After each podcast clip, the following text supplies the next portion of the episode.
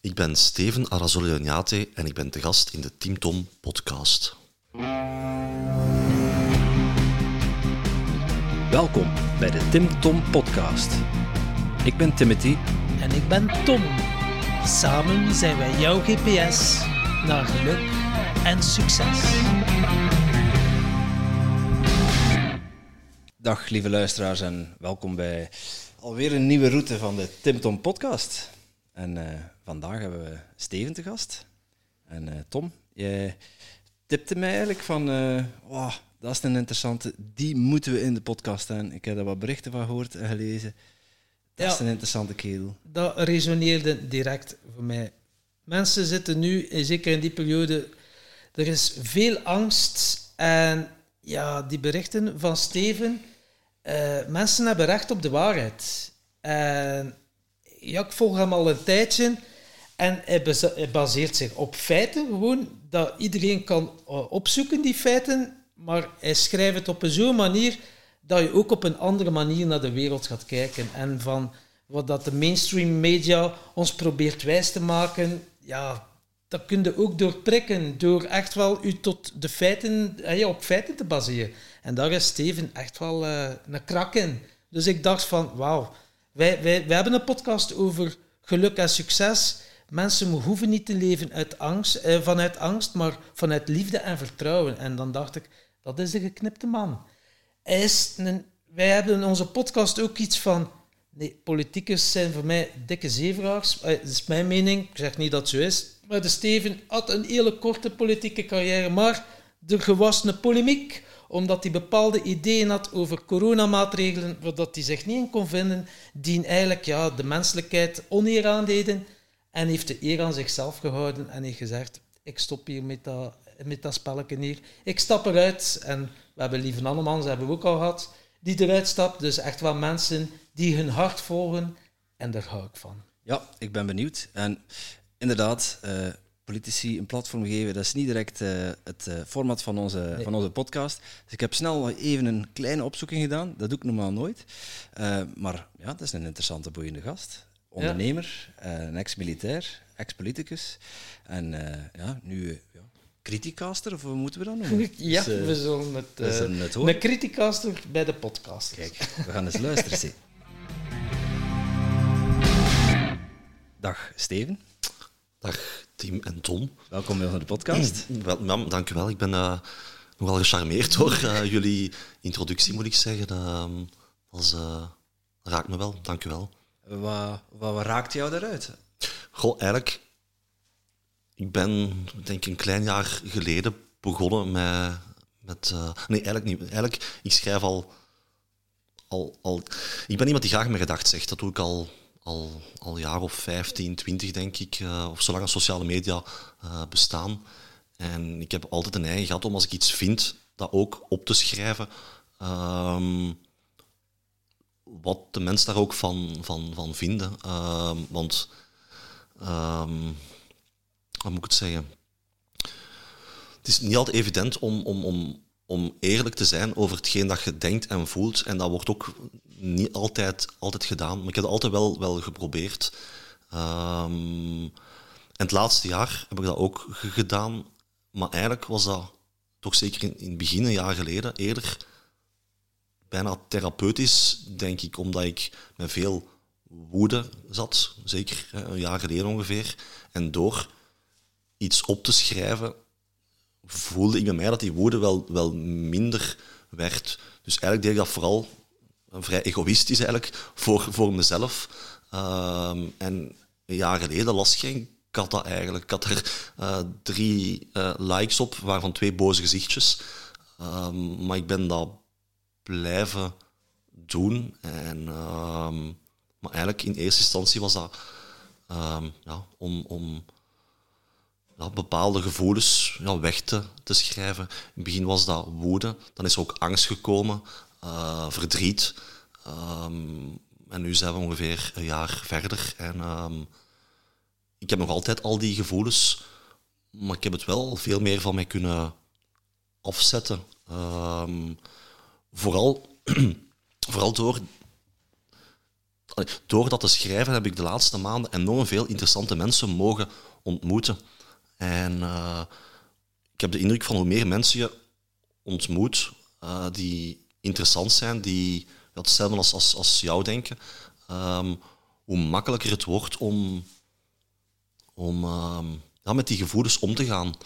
En ik, heb nog, ik zei het net, ik heb nog altijd angst en boosheid en verdriet, maar veel minder, net omdat ik met ja, andere mensen heb, heb, heb kunnen spreken en vooral voelen dat die hetzelfde over bepaalde zaken denken, maar toch ook heel positief in het leven staan. En, en, en, en ja, blijkbaar, als je met positieve mensen in contact komt, neem je de energie ook wel over. Ja, je, het wordt al soms wel gezegd, je wordt het gemiddelde van de vijf mensen waar dat het meest mee omgaat. En uh, ja, als je gaat omringen met gelijke stemden, kan je, het is niet van oké dat je gaat strijden of zo, maar je kan wel een gemeenschappelijk front uh, vormen en die energie, als je allemaal samen bent voor een mooiere, een betere en een blijere wereld, ja, wordt de wereld er ook beter door. En uh, ja, we zijn nog meer een minderheid, maar ik merk ook wel in mijn omgeving dat het aan het groeien is.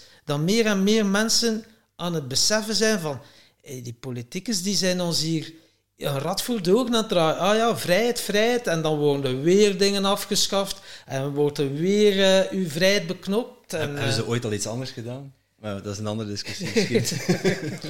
Nee, ik vind dat een heel interessante opmerking, uh, wat je juist zegt. Want eigenlijk is dat altijd gebeurd. Ja. En ik begin nu meer en meer... Allee, hoe dat ik nu naar de crisis kijk, is... Eigenlijk moeten we bijna dankbaar zijn voor hetgeen dat nu gebeurt. Omdat ik besefte eigenlijk niet wat dat jij nu zei, dat dat eigenlijk al altijd het geval is. Niet de laatste decennia, maar allee, dat is gewoon des mensen. En misschien is dit wel een kans om daar komaf mee te maken. Omdat nu, allee, bij mij alleszins, zijn de ogen echt opengaan dat we nooit echt vrij zijn geweest. En, en dat wordt nu pijnlijk duidelijk. Um, en daarom ben ik wel hoopvol dat. We gaan volgens mij nog donkere weken en maanden tegemoet. Vooral hè, ja, in, in september, oktober gaan we zoals elk jaar terug een piek krijgen in, uh, in, de, in de ziekenhuizen, op de, op de intensieve zorgen, hè, naar aanleiding van respiratoire aandoeningen. Want dat is altijd het geval geweest in die periode. En als we met dezelfde bril blijven kijken naar deze crisis en we blijven massaal PCR-testen doen, dan gaan we terug denken dat er, uh, hoe moet ik het zeggen, dan gaan we terug gewoon ze noemen het een vierde golf of een vijfde? Waar zitten we ja, uh, we gaan terug een volgende, golf krijgen, alleszins. Ja. En, en, en, en vermoedelijk terug uh, in, in lockdown gaan, wat, wat heel jammer is. Maar ja, ik denk, denk dat het gewoon een kans is om, om, om nadien hopelijk kom af te maken met, met deze manier van nou, politiek dan, dan doen uiteindelijk. Hè. Uh, en, en dat we hopelijk kunnen evolueren naar een warmere samenleving, um, omdat we hopelijk na een tijd gaan beseffen dat het echt heel fout is. Niet alleen politiek, maar eigenlijk misschien nog meer media. Um, want had de media nooit zoveel angst gecreëerd, dan hadden we volgens mij niet in deze situatie gezeten. En het probleem daar is dat media willen gewoon verkopen, die willen gazetten verkopen. En, en angst en paniek verkoopt nu eenmaal meer dan, dan goed nieuws. En, en ik denk dat dat een beetje het probleem is. Maar ik denk wel dat wat er nu gebeurt, uh, dat dat nodig is om voor heel veel mensen de ogen te openen van wat je juist zei, van dat het altijd zo geweest is. En, en hopelijk kunnen we daar iets uit leren en, en naar een, ja, ik zeg het, een warmere samenleving gaan, waar we meer vrij zijn en, en kunnen doen wat we, wat we graag doen en wat we willen doen. Uh, wat denk jij? Ik vind het heel raar dat journalisten gewoon geen kritische vragen meer durven stellen. Zijn die, zitten die dan zo in hypnose of denk je dat er meer achter zit dan de grote bazen zeggen nee, nee, dat is hier hetgeen dat we willen creëren of wat dat we willen uitdragen en uh, we gaan geen kritische vragen stellen. Nee, het is die lijn dat we gaan volgen. Of... Het zal een combinatie zijn van, van verschillende factoren. Hè. Um, maar ik vermoed, vrees, hoop misschien zelf, dat, dat het vooral... Moet ik het zeggen? Ik denk dat, dat heel veel mensen ook gewoon echt bang zijn. Ehm, en, en daarom op die manier schrijven. En dat wordt dan gewoon versterkt door het feit dat angstige berichten gewoon meer, meer gelezen worden. Ehm, ik denk niet dat er één antwoord is, maar een combinatie van, van, van verschillende zaken. Ja, Ehm, Ja, ja en nee misschien. Want eh, wat, wat mij opvalt, is dat journalisten er tegenwoordig alles aan doen om als eerste met een bepaald nieuwtje naar buiten te komen. En dat is veel belangrijker. eh, Al, dat was al voor deze, deze hele pandemie aan de, aan de orde. Je zag het ook met die terroristische aanslagen bijvoorbeeld.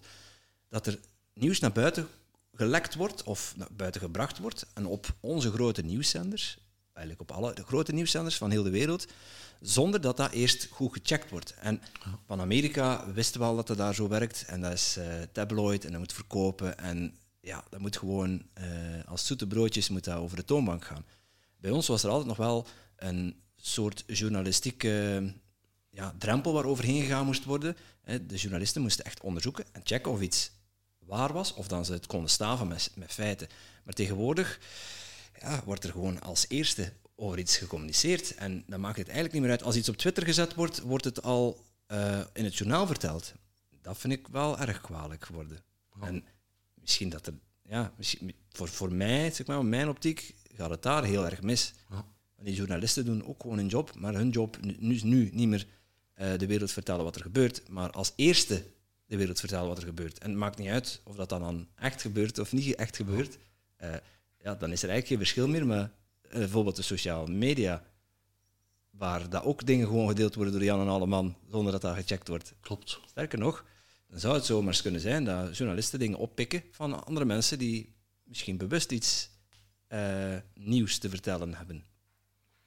Dat is mijn Ja, ik ben, ben akkoord. Dat is inderdaad een heel jammerlijke, jammerlijke evolutie. Ehm, ja, dat is, er zijn een paar uitzonderingen gelukkig, maar ze zijn heel, heel zeldzaam. Ja, als ik, eh, als ik Tom zo hoor, dan, eh, dan ben jij wel zo'n uitzondering. Ik ben natuurlijk geen journalist. Hè. Nee. Ehm, Maar je doet, je doet wel aan journalistiek, in die zin dat je eh, ja, over een bepaald actualiteit dingen naar buiten wil brengen. maar Tom hoorde, wel gestaafd met in ieder geval een gedegen onderzoek. Eh, Dat probeer ik te doen, alleszins. Ja. ja, dat is al een, een nobele poging om, Ja. om het te proberen, is al een nobele poging. Eh, ik zie heel veel, ik, ik volg sociale media niet meer zo heel erg op de voet. Je hebt ik gelijk. zie, ik, ik zie berichten voorbij komen van je eigenlijk op je blote voeten al kunt weten dat het rols zijn of dat het niet waar is. Ja. En denk, ja, is misschien een beetje kortzichtig van sommige mensen om daar dan in mee te gaan. Aan de andere kant, ja, je kunt het die mensen ook niet kwalijk nemen. Nee. Eh, als, je, als je nu kijkt naar, naar jouw volgers, wat, wat is dan zo wat weet je, de, de feedback die jij krijgt? Is dat vooral positief of vooral negatief over dingen die jij zegt? Ehm, momenteel overheerst het positieve. Ik had dan net gezegd van ik ben een klein jaar geleden daarmee begonnen. Hè. Meer therapeutisch dan. En eh, toen was het heel negatief. Ehm, maar ik ben dat blijven doen. Eigenlijk zonder al te veel rekening te houden met wat andere mensen daarvan van dachten. En eh, ja, er zijn meer en meer mensen dat dat blijkbaar beginnen, beginnen lezen. En nu is het bijna uitsluitend positief. Er zijn uiteraard nog negatieve reacties, maar die raken mij veel minder als enkele maanden geleden. Wat mij het meest geraakt heeft was, en we hebben daar net al even over gehad, ik was inderdaad, eh, ik zat in de politiek maar een aantal jaren hè, bij een partij die zichzelf liberaal noemt. Dat was eigenlijk ook de reden dat ik toen bij die partij ben, ben gegaan, omdat ik had toen de indruk... allee, ik ben nooit... Ik heb, ben pas begonnen met politiek drie, vier jaar geleden, omdat ik ben... Eh, het is aangehaald, ik was militair. En als militair moet je neutraal zijn. Dus is het logisch dat je niet aan politiek kan doen. Ehm, maar eigenlijk zat dat van kinds af aan, het klinkt een beetje belachelijk, want veel mensen vinden politiek zever en ze hebben eigenlijk misschien ook wel gelijk. Langs de andere kant is het ook wel nodig, want je hebt ze wel nodig. Maar eh, ik was al geboeid op mijn zes, zeven jaar door, door politiek. Als mijn vriendjes naar de Power Rangers keken, keek ik naar de zevende dag. Ehm, ja. en, ehm, en, en, en toen ik dan een drie, vier jaar geleden en zei van hè, ik ben nu vrij omdat ik geen militair meer ben, heb ik wel lang getwijfeld bij welke partij moet ik nu gaan. Want ja, zelf een partij oprichten, dat is wat, wat lastig. Uh, dus je moest, ik moest wel een partij kiezen. En ik heb dan gekozen voor hè, de liberale uh, Open VLD, omdat ja, het woord liberaal is, is, is, is vrijheid en daar mag je tenminste... Vrije denkers, ja. ja zou je, zou, mag je je eigen gedacht zeggen. En dat was ook wel het geval in, in, in het begin. Ehm, en dat werd daar wel getolereerd, zelfs soms geapprecieerd, want ik ben altijd al een beetje eh, een tegendraadse persoon. Allee, tegendraads niet, maar ik heb mijn ideeën en die ideeën zijn niet altijd eh, wat het narratief is. En ik heb daar redelijk veel geschreven. ehm, en dat werd aanvaard. En dat werd zelf ook vaak gevolgd. En dat mocht ook tot hè, een goed jaar geleden, toen ik begon te schrijven over hè, deze coronapandemie, ja, bleek dat liberale principe toch niet meer ja, te gelden. Ehm, Liberaal was niet zo vrij als dat je in eerste. Blijkbaar. En ik kan het ergens ook wel, wel begrijpen. Hè. Het, is, het, is, het is niet evident. Je, hebt dan, hè, de, je bent de zevende partij van het land, maar je levert wel de premier. Ehm, en dan wil je in eigen rangen geen, geen kritiek hebben natuurlijk, maar het is jammer. En dat heeft me het meeste geraakt, want de meest negatieve reacties hè, van... dat, in januari is dat, is dat sterker geworden, omdat ik eh, voor januari eigenlijk uh, las geen kat wat ik schreef. Ehm, en, en dan is dat wat, wat, wat meer... Allee, wat, begonnen meer mensen dat te lezen. En eh, kreeg ik ook van ehm, vooral VLD'ers eh, vanuit de top ehm, ja, de vraag van kun je daarmee stoppen? Ehm, en dat was eerst vriendelijk, dan, dan minder vriendelijk. Ehm, en dat heeft me toen wel geraakt, omdat, enerzijds omdat ik dacht van, ja, als liberaal moet dat toch kunnen, zolang als je iets schrijft dat respectvol is, eh, mag je of moet je zelfs kritiek kunnen, kunnen uiten. En dat mocht dan blijkbaar niet meer. Ehm, maar wat mij nog meer raakte was ja, het, de manier waarop ik werd afgebroken en, en, en zelf vernederd. En dat is wel, dat heeft me toen echt wel hard, hard, eh, hard geraakt. Wat deed dat met jou? Ehm, als je op sociale media wordt uitgelachen door iemand die je niet kent, dan, dan raakt je dat niet. Maar als dat mensen zijn die je, ja, waar je respect voor hebt, waar je mee hebt samengewerkt, waar je mee eh bepaald projecten hebt gedaan, dan komt dat wel hard binnen. En wat doet dat met mij? Ja, dat, is, eh, dat deed pijn als, als, als mens, omdat je, ja, je wordt niet graag pijn gedaan door mensen waar, die je kent alleszins. Eh, dus dat is wel voor mij alleszins een vrij... Allee, dat is een moeilijke periode geweest. Ehm, eh, maar langs de andere kant, ik heb ook wel veel uit, uit geleerd. Want ik ben er wel meer van, over, meer van overtuigd dat ja, alles in je leven heeft, eh, heeft ergens een bepaald doel. En, en, en, en als je ergens ja, verdriet of pijn van hebt, is dat een bepaalde les die je moet, die je moet leren. En ik ben nog helemaal niet ehm, waar ik moet zijn. Hè, want ehm, ik heb ook nog altijd verdriet en pijn. Maar ik heb wel begrepen dat verdriet en, en, en pijn hebben eh, ja, ergens een, een, een les is waar je iets uit moet, moet, moet leren om, om, om, om verder om te groeien als mens. En ehm, eh, het raakt me nu al, al, al veel minder. En, eh, en ja, dat Ja. is... eh, Ik vind het inderdaad wel mooi. Veel mensen zouden ook wel die in uw schoenen zou staan en je krijgt dan van, hey, stop een keer. Die zouden ook gestopt hebben om een postje te kunnen blijven behouden. Maar je had zoiets, nee. Iedereen heeft eh, recht op de waarheid. Eh, Was dat de, de motivatie? Of? Ja, het ding is, is van, ik weet niet of wat ik breng de waarheid is. Ik probeer de waarheid te brengen, maar ik ga niet beweren dat ik alle waarheid in, in pacht heb. Ehm, ik probeer inderdaad, zoals al is aangehaald, met feiten te komen. Ehm, maar wat ik vooral probeer is, is, is om mensen kritisch te doen nadenken, want dat gebeurt vandaag veel te weinig. En nu ben ik even uw vraag kwijt. Ehm, eh ben ze zelf ook al kwijt. maar ik heb een andere interessante, want er wordt hier een paar keer het woord waarheid eh, gedropt. En wat voor mij waar is, hoeft voor jou niet waar te zijn. ja. Ehm, maar ja, hoe zou je waarheid omschrijven? Wat is voor jou waarheid? Het is geen makkelijke vraag, ik weet het, maar... Goh, ik denk dat... Ja, ik denk dat ja, dat voor, waar- voor iedereen... eh, iedereen heeft zijn eigen waarheid en je moet vooral proberen, denk ik, om in jouw waarheid, naar, naar jouw eigen waarheid te, te leven. Ehm, en daarin te blijven. Ehm, maar dat is ook weer een antwoord op uw vraag eigenlijk natuurlijk. Ehm, ja, Hoe weet, je, hoe weet je wanneer iets, voor jou, hè, voor jou persoonlijk, hoe weet je wanneer iets waar is? meer en meer, en dat is misschien fout, maar ik, ik voel me er wel goed bij, probeer ik mijn, mijn buikgevoel te volgen. En ja, dat blijkt toch wel vaak te kloppen. En ik denk dat we daar allemaal... We zijn dat niet gewoon om ons buikgevoel te volgen. Hè, want van op school wordt dat al eh, wordt dat tegengehouden. Hè, je moet... ehm, alles moet rationeel zijn. En, en, en ik denk dat we daar terug meer naar, naartoe moeten. Want dat buikgevoel, dat is een woord, maar dat komt wel van, van, van ergens. En, en heel vaak in je leven, als je iemand ontmoet, voel je al op voorhand van dat is hier een, persoon waar het mee gaat klikken, of, of totaal niet. En eigenlijk is dat wel interessant om daarmee mee aan de slag te gaan, vind ik. En de laatste maanden heb ik daar, ben ik daar veel meer mee aan, aan de slag gegaan. En voel ik op voorhand van, als je iemand ziet van, wauw, dat gaat hier wel goed klikken. Ehm, en, en dat is hetzelfde met, het gaat nu over waarheid, over bepaald, bepaalde feiten of, of nieuws die je in, in de media ziet.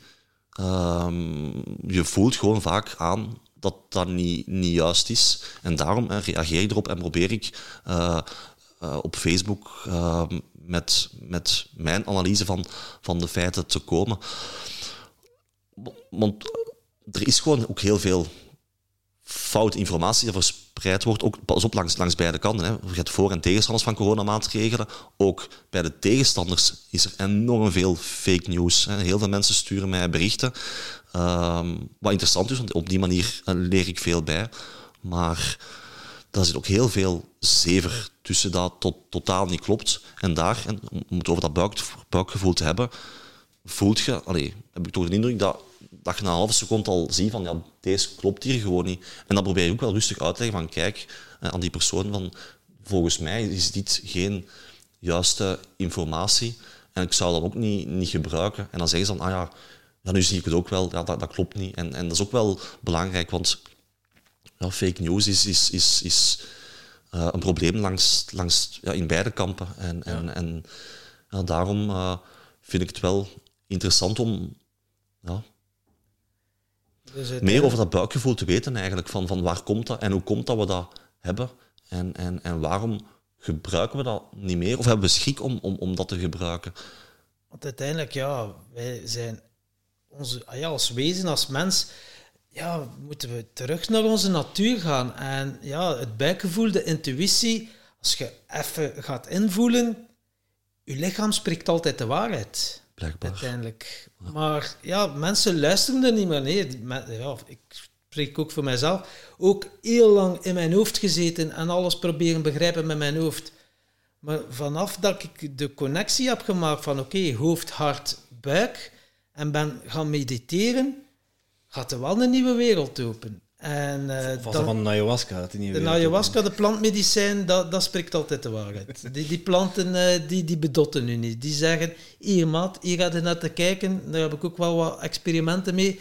Heeft mij al heel veel opgeleverd, omdat het ook vanuit de natuur komt.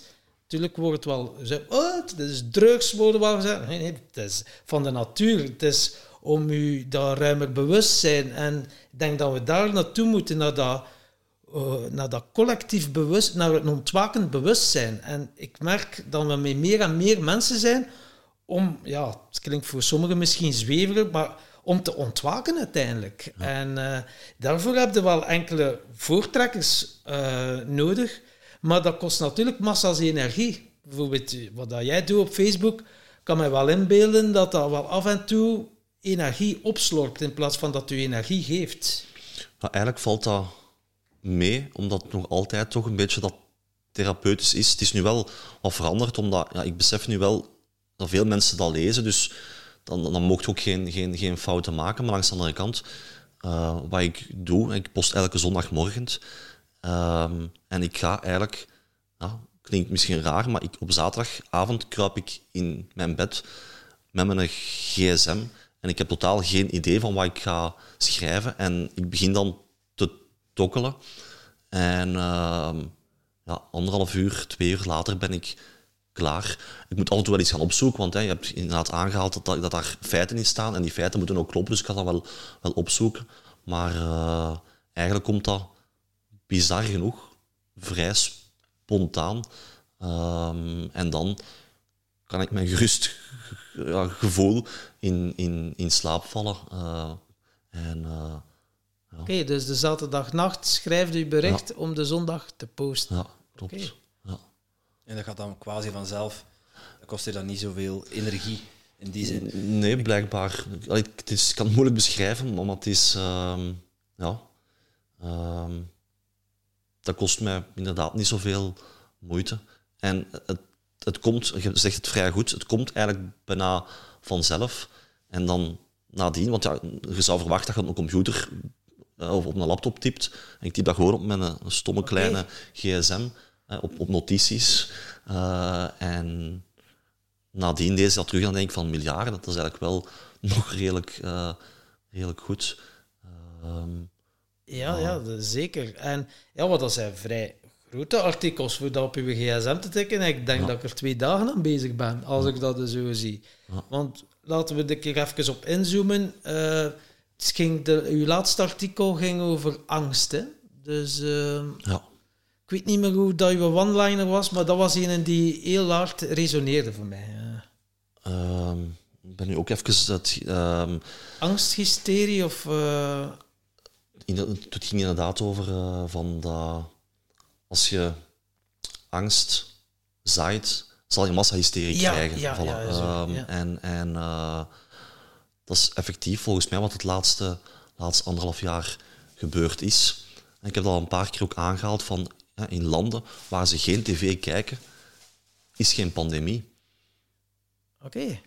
Ah. dat is ook effectief het geval. Hè. Of, of, of waar veel minder media gevolgd wordt, uh, uh, ja, blijken er geen problemen te, te zijn. En als die... Ja, of het is een, dictatuur, een dictatuur, dat kan natuurlijk ook. Ja, um, maar nee, dat, dat, is, dat, een feit. Maar uh, ja, als je gaat kijken naar de landen waar het het meest in de media komt, zijn, allee, is, de, is, is de angst ook, ook het grootste. Ja. Die hebben ook geen luxe. Die hebben niet, in sommige landen hebben ze niet de luxe om uh, ja, tijd te spenderen aan. Om daar wakker van te liggen, inderdaad. Wakker van te liggen, want, klopt. of geen sociaal zekerheidssysteem dat dat aan kan. Ja. Die, ja, inderdaad, dat is, dat is wat we in India zien. Hè. Wat de ziekenhuizen liggen vol webbige ziekenhuizen. Ja, nee, inderdaad, inderdaad. Maar in India is dat, is dat, is dat heel, heel frappant. Hè. Um, India heeft 1,3 of 1,4 miljard inwoners. En dus vier, vijf keer zoveel als gans Europa samen.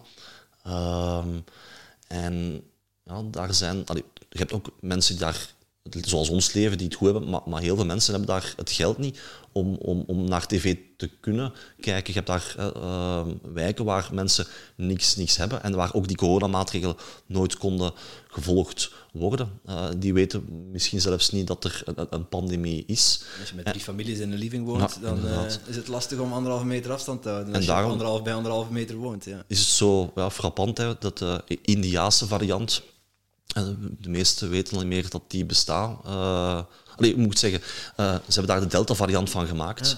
Uh, ook gewoon omdat die hij komt uit India. En dat was effectief een, een vrij hoge piek. ik schat nu, wanneer was het? Een, een, een, drie maand geleden ongeveer, twee, drie maanden geleden, zal die piek daar geweest zijn. maar die was even snel terug weg als hem gekomen is. En India is maar 8% van de mensen gevaccineerd. Daar hebben ze geen lockdowns gehad. En toch is de Delta-variant, die nu wereldwijd zo gevaarlijk is, daar heel snel ver, verdwenen. Ehm, en daarom hè, hebben ze die ook de Delta-variant genoemd, want ze konden niet meer de Indiaanse variant noemen. Want als je vandaag India corona intikt op Google, dan zie je die, die piek twee, drie maanden geleden, maar die is, is volledig terug weg. Uh, en dat is niet, ja, niet angst, dat, dat creëert geen angst, dus moest dat de Delta-variant eh, noemen. Maar ik had inderdaad, de- deze, allee, ik schrijf daar redelijk wat over, over angst, omdat ik er... allee, ik ben geen psycholoog, ik ben geen wetenschapper, maar naar mijn gevoel is het grootste probleem vandaag de angst. Eh, enerzijds bij mensen die bang hebben voor het virus en, en, en, en, en daardoor hè, meer maatregelen eisen bijna. En, en politici moeten dan wel bijna volgen. Maar ook bij mensen die geen angst voor het virus hebben, is er ook veel angst voor, eh, voor welke maatregelen er nog gaan volgen. Hè, hoe lang deze miserie nog gaat blijven duren. Hè, gaan we binnenkort terug, terug in, in, in lockdown gaan? Gaan we onze familie en vrienden weer moeten missen? Gaan we eh, als, als zelfstandigen en niet meer mogen werken? En, en, en, en die angst eh, dat is, is problematisch. Je- en, en die creëert waar we nu, nu in zitten. Maar ja, al die mensen die, eh, die, die sterven, dat mag je toch ook niet ontkennen? Eh, zeg ik met een lach mij zeg. ja, nee, ik, Nee, nee, dat is- ja, Met, ja. met, met alle respect voor, voor al die mensen die. Want Klopt. voor al die mensen die gestorven zijn, is dat heel erg. Eh, Uiteraard. en, en voor die families eh, nog veel erger. Ja. Ehm, maar ja, de, zeg je dat? Ik zeg het met een lach op mijn gezicht, omdat het de verhoudingen uit elkaar getrokken worden. Want ja, dat is, allee, er is één zekerheid in het leven, dat is dat we, dat we, dat we doodgaan. Hè.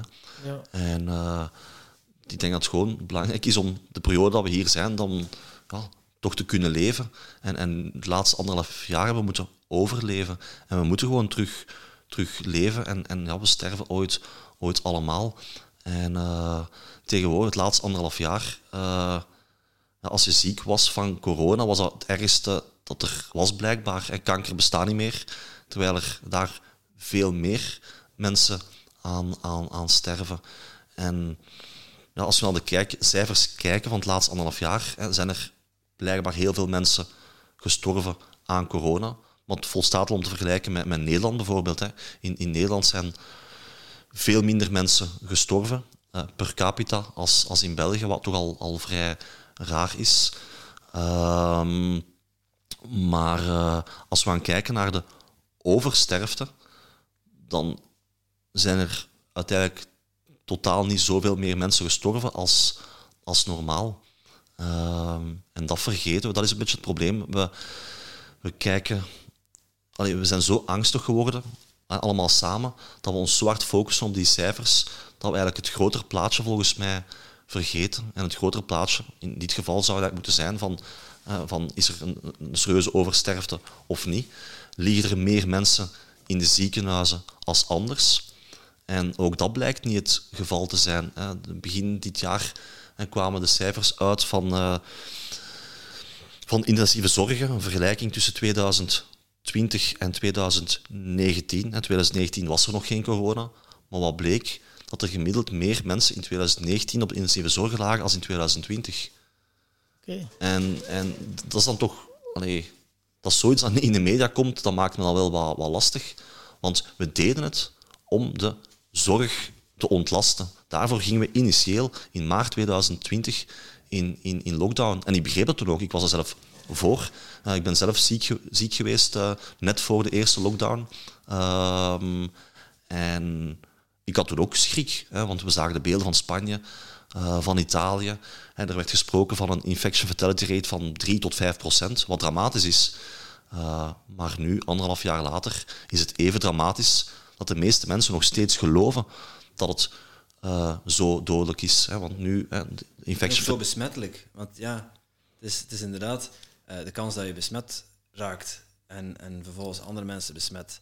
eh, daar gaat het dan om. En dan om die, de zwakkere mensen, de zwakkere doelgroep te beschermen. Maar wat de media er nooit bij vertelt, is dat de ziekenhuizen, de ziekenhuisbedden ook enorm zijn afgenomen de afgelopen vijf à tien jaar. En niet alleen in België, maar ook in Nederland en Frankrijk en in Italië. En ja, onze zorg was altijd van een heel hoog niveau, maar ja, door bezuinigingen, ook politieke keuzes, Ja. eh, zijn, er, ja, zijn er een fors aantal bedden afgenomen. Ja, dan, vervolgens heb je die capaciteit niet meer om, om een bepaalde piek op te vangen met infectieziektes. Ja. Aan de andere kant heb je ook ziektes zoals ebola, met een infectieratio van 1 op 12. Dus één besmet persoon besmet gemiddeld 12 andere mensen. En dan is de kans op overlijden is 1 op 2. En we behandelen nu eh, mensen die eh, met corona behandelen we eigenlijk als ebola-patiënten. We zetten ze in afzondering, ze mogen niemand zien. Eh, mijn, mijn oma is gestorven aan, aan corona, dus ergens raakt dat ook wel. Maar als ik zie hoe dat zij anderhalf jaar lang behandeld is, niet tegen corona, maar ja, tegen zichzelf. Ik weet, niet, ik weet niet waarom, maar zij werd slechter behandeld als de gemiddelde gedetineerde. Ja. Die, mocht nog, die mag nog één of twee keer per dag eh, gelucht worden, maar zij moest op haar kamertje blijven. Ze zat aan de zonnekant en ze mocht niet eens zonnewering of gordijnen ophangen. Dus dat, dat mensje zat daar te puffen en, en af te zien. Eh, die had het al zwaar, die had al longziektes en een enorme risicopatiënt. Ja. We wisten ook, als ze het krijgt, dan, eh, dan is het voor haar het laatste duwtje. Ja. Ja, was zij anders niet gestorven? Dat is niet, over, dat is, dat is niet gezegd. Want zij heeft heel veel eh, last van haar longen gehad, daarvoor al. En dan was dat net het duwtje wat ze nodig had om, eh, eh, om, het, om het niet meer te kunnen navertalen, helaas. Maar zij wordt wel up, netjes bij, de, bij de stapel gerekend. Ja, dat is ook een... Zeg je dat? Dat, is allemaal, dat zijn allemaal correcte cijfers. Ja. Alleen de manier waarop dat ze gepresenteerd worden vervolgens, daar... ja, dat, het is een- doen ze een eigen, een eigen ding mee. Je hebt daar een heel goed punt aangehaald, hè? De, de zorg. Hè? Die, de capaciteiten zijn al afgenomen de laatste 20, 25 jaar. En het is dan toch frappant en hallucinant te noemen dat er nog geen één bed is bijgecreëerd. Ehm, als we dan toch schrik hebben eh, dat de zorg het niet aan kan, dan moet je daar volgens mij toch op, op, op inzetten. En dat is niet gebeurd. Langs de andere kant, we hebben nooit de maximale capaciteit bereikt ehm, op de intensieve zorgen. Ehm, en ehm, ja, dat, dat, dat, dat is iets dat ik niet, niet begrijp, dat daar niet meer op, op wordt, eh, wordt ingezet. Ja, we, hebben, we kunnen het niet weten, hè, omdat we in lockdown zijn gegaan. En zo'n lockdown, als, ja, als mensen zich niet meer mogen verplaatsen, kan een ziekte zich ook niet meer verspreiden. Dus Goh, eigenlijk, uiteraard eh, is dat logisch wat je zegt. Maar als je naar de cijfers gaat gaat kijken, in eh, de tweede lockdown vorig jaar in oktober, eh, als je vandaag terug gaat kijken naar de cijfers, die zijn terug beginnen zakken, nog voor de lockdown is ingevoerd. Dat is, allee, ik ga het even opnieuw zeggen. Hè. De cijfers zijn beginnen zakken nog voor de tweede lockdown is ingevoerd. En eigenlijk dat zien we, dat zien we, in, in, in, in, dat zien we eigenlijk wereldwijd. En, en de maatregelen zijn uiteraard altijd heel goed bedoeld. Maar het is meer en meer duidelijk dat ze heel weinig effect hadden. En Zweden heeft in het begin besloten om niet mee te gaan daarin. Ik keek toen ook met grote ogen van, wat gaan die doen? Dat is levensgevaarlijk. En er werd gesproken van 150, 200.000 doden die gingen volgen in Zweden, omdat die niet in lockdown wouden gaan. Ehm, maar helaas, vandaag denken nog altijd veel mensen dat het daar super slecht is gegaan. Maar ook daar zijn de cijfer, cijfers beter als in België. ze hebben daar wel ook maatregelen moeten nemen uiteindelijk. Hè? Begrepen. Maar Er zijn maatregelen genomen, maar nooit zoals, zoals hier. De mensen zijn altijd naar de kapper kunnen blijven gaan. De mensen zijn altijd op restaurant kunnen blijven gaan. Ehm, en dat we dat in het begin niet gedaan hebben, dat moest ik premier geweest zijn vorig jaar in maart. Ik had exact hetzelfde gedaan als, als premier Wilmes toen, omdat we niet wisten wat er, wat er op ons af ging komen. Omdat er, ik heb het net aangehaald, die infection fatality rate van 3, 4, 5 procent was, dan moet je toegaan. De bevolking wou dat toen ook. Maar we zijn nu anderhalf jaar later en ik acht de kans redelijk groot dat we eind september of half oktober terug in lockdown gaan, gaan omdat de piek die we zullen krijgen volgens mij ongeveer exact de piek zal zijn van vorig jaar. Ja. En ehm, als we massaal blijven testen en met dezelfde bril blijven kijken naar deze crisis, gaat de politiek ook gewoon hetzelfde doen, vrees ik, als, als vorig jaar. En dan waarschijnlijk eh, moest het gebeuren, dan gaan we opnieuw zien dat de cijfers al terug aan het zakken zijn wanneer de maatregelen zullen ingeroepen Steven, dat, dat gaat toch niet kunnen, want nu is er toch heel veel mensen zijn nu toch gevaccineerd, Steven. Allee jongens, 70%. dat kan, toch, dat kan toch geen piek meer komen. En we zijn, we zijn toch veilig? Ja, ik Hey, hoop- de die die Ja, pas op, gevaccineerd eh, zijn? ik, ik, ik, eh, ik hoop dat dat juist is, maar ik, ik, ik vermoed en vrees van niet. Ehm, ook gewoon steeds meer studies tonen aan dat de mensen die gevaccineerd zijn, ehm, dat die effectiviteit vrij snel afneemt en na zes maanden bijna volledig verdwenen is. En daarom dat de farmalobby ook klaar staat met de, met de boosterprik. In Israël zijn ze nu al een, een drietal weken bezig. Boosterprik? En, boosterprik, dat is, dat, is de, dat is de derde prik. Ehm, en ja, daar, daar gaan ze ons naar... ik vrees dat we bij de volgende lockdown in, in oktober dat uh, de boosterprik, de derde prik, opnieuw de weg naar de vrijheid zal zijn. En we terug opnieuw allemaal gaan, gaan moeten passeren. Maar ik had net over die, die, die studie. Die verschillende studies tonen aan dat na zes maanden de efficiëntie bijna volledig verdwenen is. En wij zijn in België, uh, gelijk in de rest van, van West-Europa, beginnen te vaccineren in, in januari. Wie zou beginnen vaccineren? Dat zijn de oudste en de meest zwakke mensen. Wat ergens, qua principe wel, wel logisch is. Ja, die mensen zijn aan het tegen de griep. Hè? Ja. En mensen die in de zorg werken, uh, mensen, risicogroepen, uh, oudere mensen, ja. die dus ook een veel grotere kans hebben om aan uh, SARS-gerelateerde ziektes te sterven. En, en, dat is ook een heel goed principe. En eigenlijk werd er, toen, werd er ons toen beloofd van als alle zwakkeren en ouderen gevaccineerd zijn, gaat alles terug open. Maar nu is al duidelijk dat dat niet het geval is, want vandaag mogen we minder als vorige zomer. En vorige zomer mocht er meer. Ja, ja, voor, nee, we, de maatregelen vandaag moet men een keer proberen op, op reis te gaan en terug te komen uit een rode zone. Ook al ben je gevaccineerd, um, je moet thuis blijven en de politie komt dat zelf controleren. En dat was vorig jaar niet het geval. Vorig jaar mochten we met meer aan tafel zitten. Ehm, de regels zijn gewoon strenger als, als vorig jaar. Maar ik had het net even eh, over die, die studies aantonen dat de efficiëntie zakt. Na zes weken is het al minder als, eh, als in het begin. En na zes maanden is het bijna volledig weg. Maar het probleem is, we zijn begonnen in januari. De zomer is nu bijna gedaan. De volgende gevaarlijke exotische variant zal, zal weldra ten tonele verschijnen. Ehm, en, en jammer genoeg um, gaat die vooral volgens mij die oudere mensen opnieuw raken. Omdat de efficiëntie uh, moest die er al zijn, want uh, je hebt daar heel veel verschillende meningen over. Maar stel nu dat het vaccin super efficiënt is en werkt, dan nog is die na zes maanden blijkbaar bijna volledig verdwenen. En gaat net opnieuw die mensen zijn de ouderen en de zwakkeren die we uh, op de intensieve zorg gaan zien vanaf uh, half september, eind september.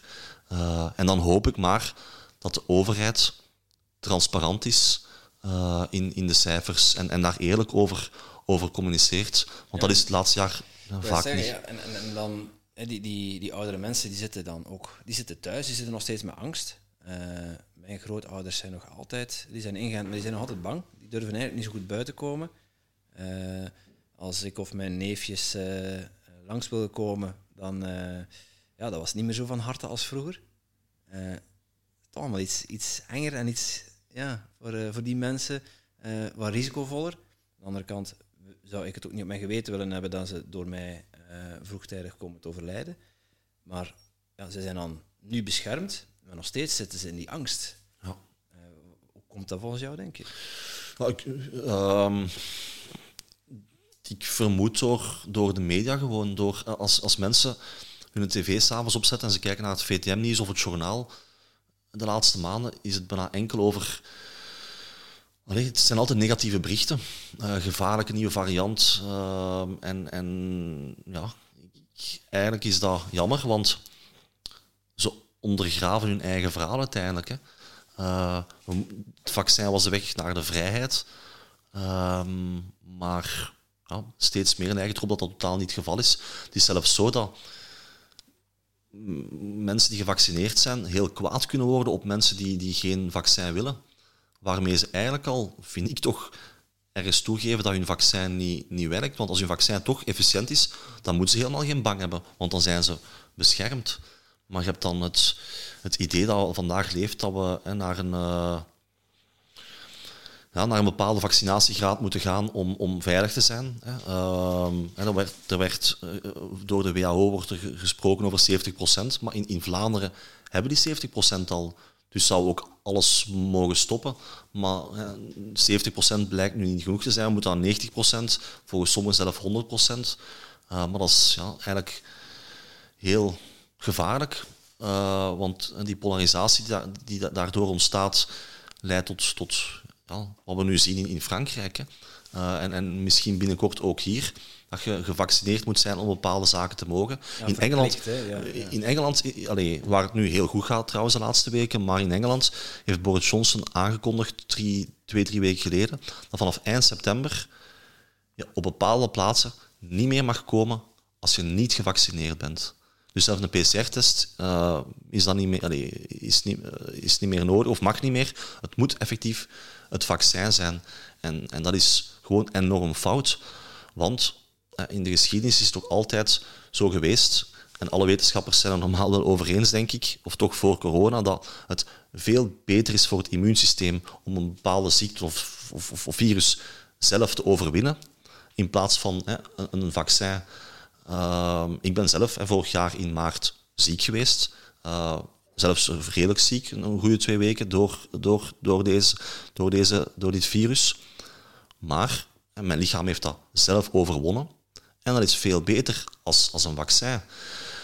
De, na SARS-CoV-1 in 2003 is, is gebleken dat de mensen die toen eh, ziek waren, vandaag nog altijd immuun zijn voor SARS-CoV-1 en ook eh, voor SARS-CoV-2, dus het coronavirus. Dus hè, we, kunnen er nu al van uitgaan dat je al eh, minstens blijkbaar bijna 20 jaar immuun bent voor varianten. Hè. Ik heb het vorig jaar gehad in maart, dus er is geen enkele reden voor mij om mij te laten vaccineren omdat mijn lichaam het overwonnen heeft. En, en dan is het gewoon heel pijnlijk dat bijvoorbeeld in Engeland, en hoop, hopelijk, niet binnen, niet in België, maar dat in Engeland dat je moet gevaccineerd zijn om naar een concert te mogen gaan. Dat, dat gaat in tegen alle logica, want iemand die het virus zelf heeft gehad en overwonnen, is veiliger als iemand die gevaccineerd is. En waarom moet je die mensen dan uitsluiten? En dat is ja, een In Europa gevaar. doen we dat nog niet hè, op dit moment. Maar ja, om te reizen heb je wel een, een eh, zeg je dat, een ja, COVID-paspoort nodig. Dat, is al, dat is iets raar. Ik heb toch een paspoort waarop mijn nationaliteit staat en, en alles wat mensen moeten weten. En dan moet je nog een, een of andere QR-code bij hebben waarop staat ja, dat je bewij- bewijzen hebt dat je een of andere test hebt ondergaan. Eh, ik denk dan, die test die moet twee dagen oud zijn of zoiets. Eh, er is toch geen garantie dat mensen niet alsnog ziek zijn? Klopt. Maar je mag dan met die, met, ah ja, als je een QR-code hebt, dan mag je wel de grens over. En Maar, maar mensen die besmet zijn geweest en, en aantoonbaar antilichamen in hun lichaam hebben, die zijn in Europa ook, die mogen ook gaan en staan waar ze willen. Nee, Op dit moment. dat was eigenlijk... Ja, ja en nee. Eigenlijk Deze zomer was dat zo, in ieder geval. Ja, de- eigenlijk hoe het nu met de green, eh, de, de, corona, allee, de green eh, pass is, ehm, mm, geldt dat enkel als je de laatste zes maanden een negatieve, allee, een positieve PCR-test hebt afgelegd en nadien een negatieve. Want dan ben je zogezegd genezen. Ja. En dan eh, mag je zes maanden zogezegd reizen. In mijn geval kan ik dat niet gebruiken, want ik, ik ben al ziek geweest in maart vorig jaar. En in de, corona, een Europees eh, eh, coronapaspoort, mag het enkel de laatste zes maanden zijn. En dat is het, het lastige daarin, vind ik. Want ook, als ik me niet vergis, is het, is het vaccin ook maar geldig voor een jaar. Ik heb zelf geen... Nu, nu, geen- staat, nu staat er nog geen einddatum op, maar dat komt wel. Hè, ja. Maar inderdaad, en daarom gevoelt gewoon aan, het buikgevoel, dat we allemaal gaan blijven moeten, moeten passeren voor verschillende boosterprikken. Europa heeft trouwens eh, eh, eh, al, dat is in april al bekendgemaakt, voor 2022 en 2023 1,6 miljoen doses Pfizer aangekocht. miljard, denk ik. Miljoen. Eh, eh, ja, nee, 1,6 miljoen. Nee, nee, miljoen. Ja, nee, dus het aantal dosissen. Hè, dus het zal wel meer kosten. Maar ze hebben 1,6 miljoen dosissen. Dat is niet zoveel, hè. Dan kun je, ja, dan kun je de, een kwart van België meenenten. ehm, Ik denk een miljard. Ja, maar- eh, maar, maar ik ben helemaal 1,6 miljard, sorry, mijn excuses. Eh, dus vier per... zijn in België vier, wonen al 11 miljoen mensen, hè, ja. Ik ben even... ja, het is inderdaad, sorry, dank u wel mij te verbeteren. Eh, het is vier, dat zijn prikken per persoon op twee jaar tijd, dus elke zes maanden. Dus ja, is goed. Ehm, ik was helemaal even mijn, mijn gigantische- draad ja, gigantische maar 1,6 bestellingen miljard, inderdaad. Ja, ja, inderdaad. Ja, en dat geld is uitgegeven, dus ja, eh, die dingen die worden gemaakt voor ons, dus die liggen op voorraad. Dus ja, die moeten ook wel eh, toegediend worden natuurlijk. Ja, blijkbaar. En Wat zei zo een viroloog zeker, eh, die de Nobelprijswinnaar eh, is geweest, een, een Fransman, die zei van eh, wat dat er nu gebeurt, dat is de grootste misdaad aller tijden tegen de mensheid, wat dat er nu aan, aan het gebeuren is. Ik ben nu even zijn naam kwijt. Ik, ik, ehm, Montigne of ja, Ja. Montigna of ik weet het niet meer, maar Dingske. een oude, het is een vrij oude man, maar allee, als, je, als je een Nobelprijs wint, dan, dan heb je toch een bepaalde autoriteit, inderdaad. En ik heb het ook eh, gelezen. Ehm, En die zegt ook van, oké, door vaccinatie, ja, dat, dat virus gaat er nu sterker laten worden, want dat, gaat, dat wil zich muteren, dat wil het overleven. Waardoor ja, dat het altijd wel een weg zal vinden om op een andere manier, eh, ja, niet dat ik wetenschapper ben, maar dat, ja, er moet geen rocket science gedaan hebben om dat te snappen ja, uiteindelijk. hè. inderdaad. En eh, ja, wat is ook, ja, bijvoorbeeld eh, nu dat we dan toch in de, de flow zitten over COVID, met de mondkapjes. eh, een paar dagen geleden ging ik naar eh, Bobbejaanland. Hè, en dat was, zei ze, Bobbejaanland, het plezantste land. Ja, en verplicht mondkapjes naar Hansen dag dragen vanaf zes jaar. Vanaf zes jaar. En 99,9% van de mensen doet dat, hè. Doet dat. Dus ja, ik was met iemand anders. Ja, ik had zoiets van, ja, ik doe dat niet. Maar ja, ze hebben nu wel een keer of twintig gezegd. Mondkapje, oké. Ik wil ook geen rebel zijn. En ja, Ik ben nog maar vijf. ja, en zo, ja. Oké, ah ja, sorry, ja, ja. En ook zelfs in de wachtrijen of gewoon in de buitenlucht, hè, dat je alleen loopt. En kan soms, overlaatst moest ik naar het containerpark. Ik dacht, oké, helemaal alleen sta ik er uit te liggen. En komen ze zo naar hier. Hey, een mondkapje. Maar ik zeg, ik sta hier alleen bij. Nee, nee, nee, een mondkapje. Ik dacht, ik dacht, what the fuck, man? Wat is dat? Maar ja, ook geen, geen ruzie. Oké, ja, sorry meneer, sorry meneer. En dan denk ik, waar zijn we allemaal mee bezig? En ja, jij hebt misschien al wat meer onderzoek gedaan. Helpen mondkapjes? Ja, ik, ik, ben, ik ben geen wetenschapper natuurlijk. Eh, ik heb ook geen autoriteit om daar iets over te, te zeggen. Wat ik wel kan zeggen is van... ehm, ik heb de laatste maanden met heel veel mensen gesproken. eh, ook heel veel artsen. Ehm, en zelfs artsen die... Ook een heel aantal artsen die die maatregelen schitterend vinden, die, die, die vinden dat er nog strengere maatregelen moeten zijn. Maar zelfs zij geven mij toe dat het eigenlijk, zeker buiten, eh, totaal geen zin heeft. Maar ze vinden het wel goed dat het moet, omdat het de mensen volgens hun bewust houdt dat er een pandemie is. Maar ja, ik vind dat eigenlijk fout. Dat, je dat, dat, allee, dat, dat is, maar dan, dan nog vind ik het... Allee, als ze dan durven toegeven dat het niet werkt, is het toch pijnlijk dat we het allemaal moeten blijven dragen. Ja, en Dus in dus stel- Nederland hebben ze dat Nee, afgeschaft, ze- zeker. Ze zeggen niet dat het niet werkt, het is alleen zo dat het, dat het buiten geen, geen effect heeft. Ja. Hè, daar het om. En dat is- Want artsen, hè, artsen, mensen vergeten dat wel eens, want alles wat wij nu doen, handen ontsmetten, maskers dragen, is iets wat chirurgen doen. En wat Ja. artsen doen in een ziekenhuis. Om inderdaad eh, een patiënt niet te besmetten met zijn lichaamsvirussen, lichaamsbacteriën, eh, terwijl ze aan het opereren zijn. Eh, maar ook hè, vice versa, om, om niet eh, vanuit de patiënt toch zelf ziek te worden. Maar dat is in een, in een steriele omgeving, in een, eh, in een afgesloten omgeving, hè, waar, waar de druk op elkaar staat en waar ja, die artsen hebben een verantwoordelijkheid. Namelijk een patiënt opereren en je wil niet dat die daarna, als je die toenaait, dat er van allerlei bacteriën in zitten. En we doen nu hetzelfde als dat die artsen doen, maar buiten, in de buitenlucht, zonder dat we aan het opereren zijn. En inderdaad, zoals Tom zegt, in Nederland kondigde de regering aan, eh maskertjes zijn niet meer verplicht. En echt, van de een op de andere dag zag je nergens meer mondmaskers. Schitterend, Ik, ik, Ja. woon, ik woon net ik woon, eh, zeg maar, eh, op de grens, zeg maar. En in Nederland, net over de grens, komen heel veel Belgen naar de supermarkt. Ja, dan zie je, als je in de supermarkt loopt, eh, het was een beetje surrealistisch ook, omdat ik heel veel in België naar de supermarkt ga en dus gewend ben om een masker te dragen. Als je dan opeens in de supermarkt terugloopt, van de een op de andere dag geen maskers meer, behalve dan die drie of vier Belgen die er dan rondlopen. Schitterend. en die worden er ook in Nederland op aangesproken. En met, zeg, eh, het is niet meer verplicht om een eh, masker te hebben. Hè?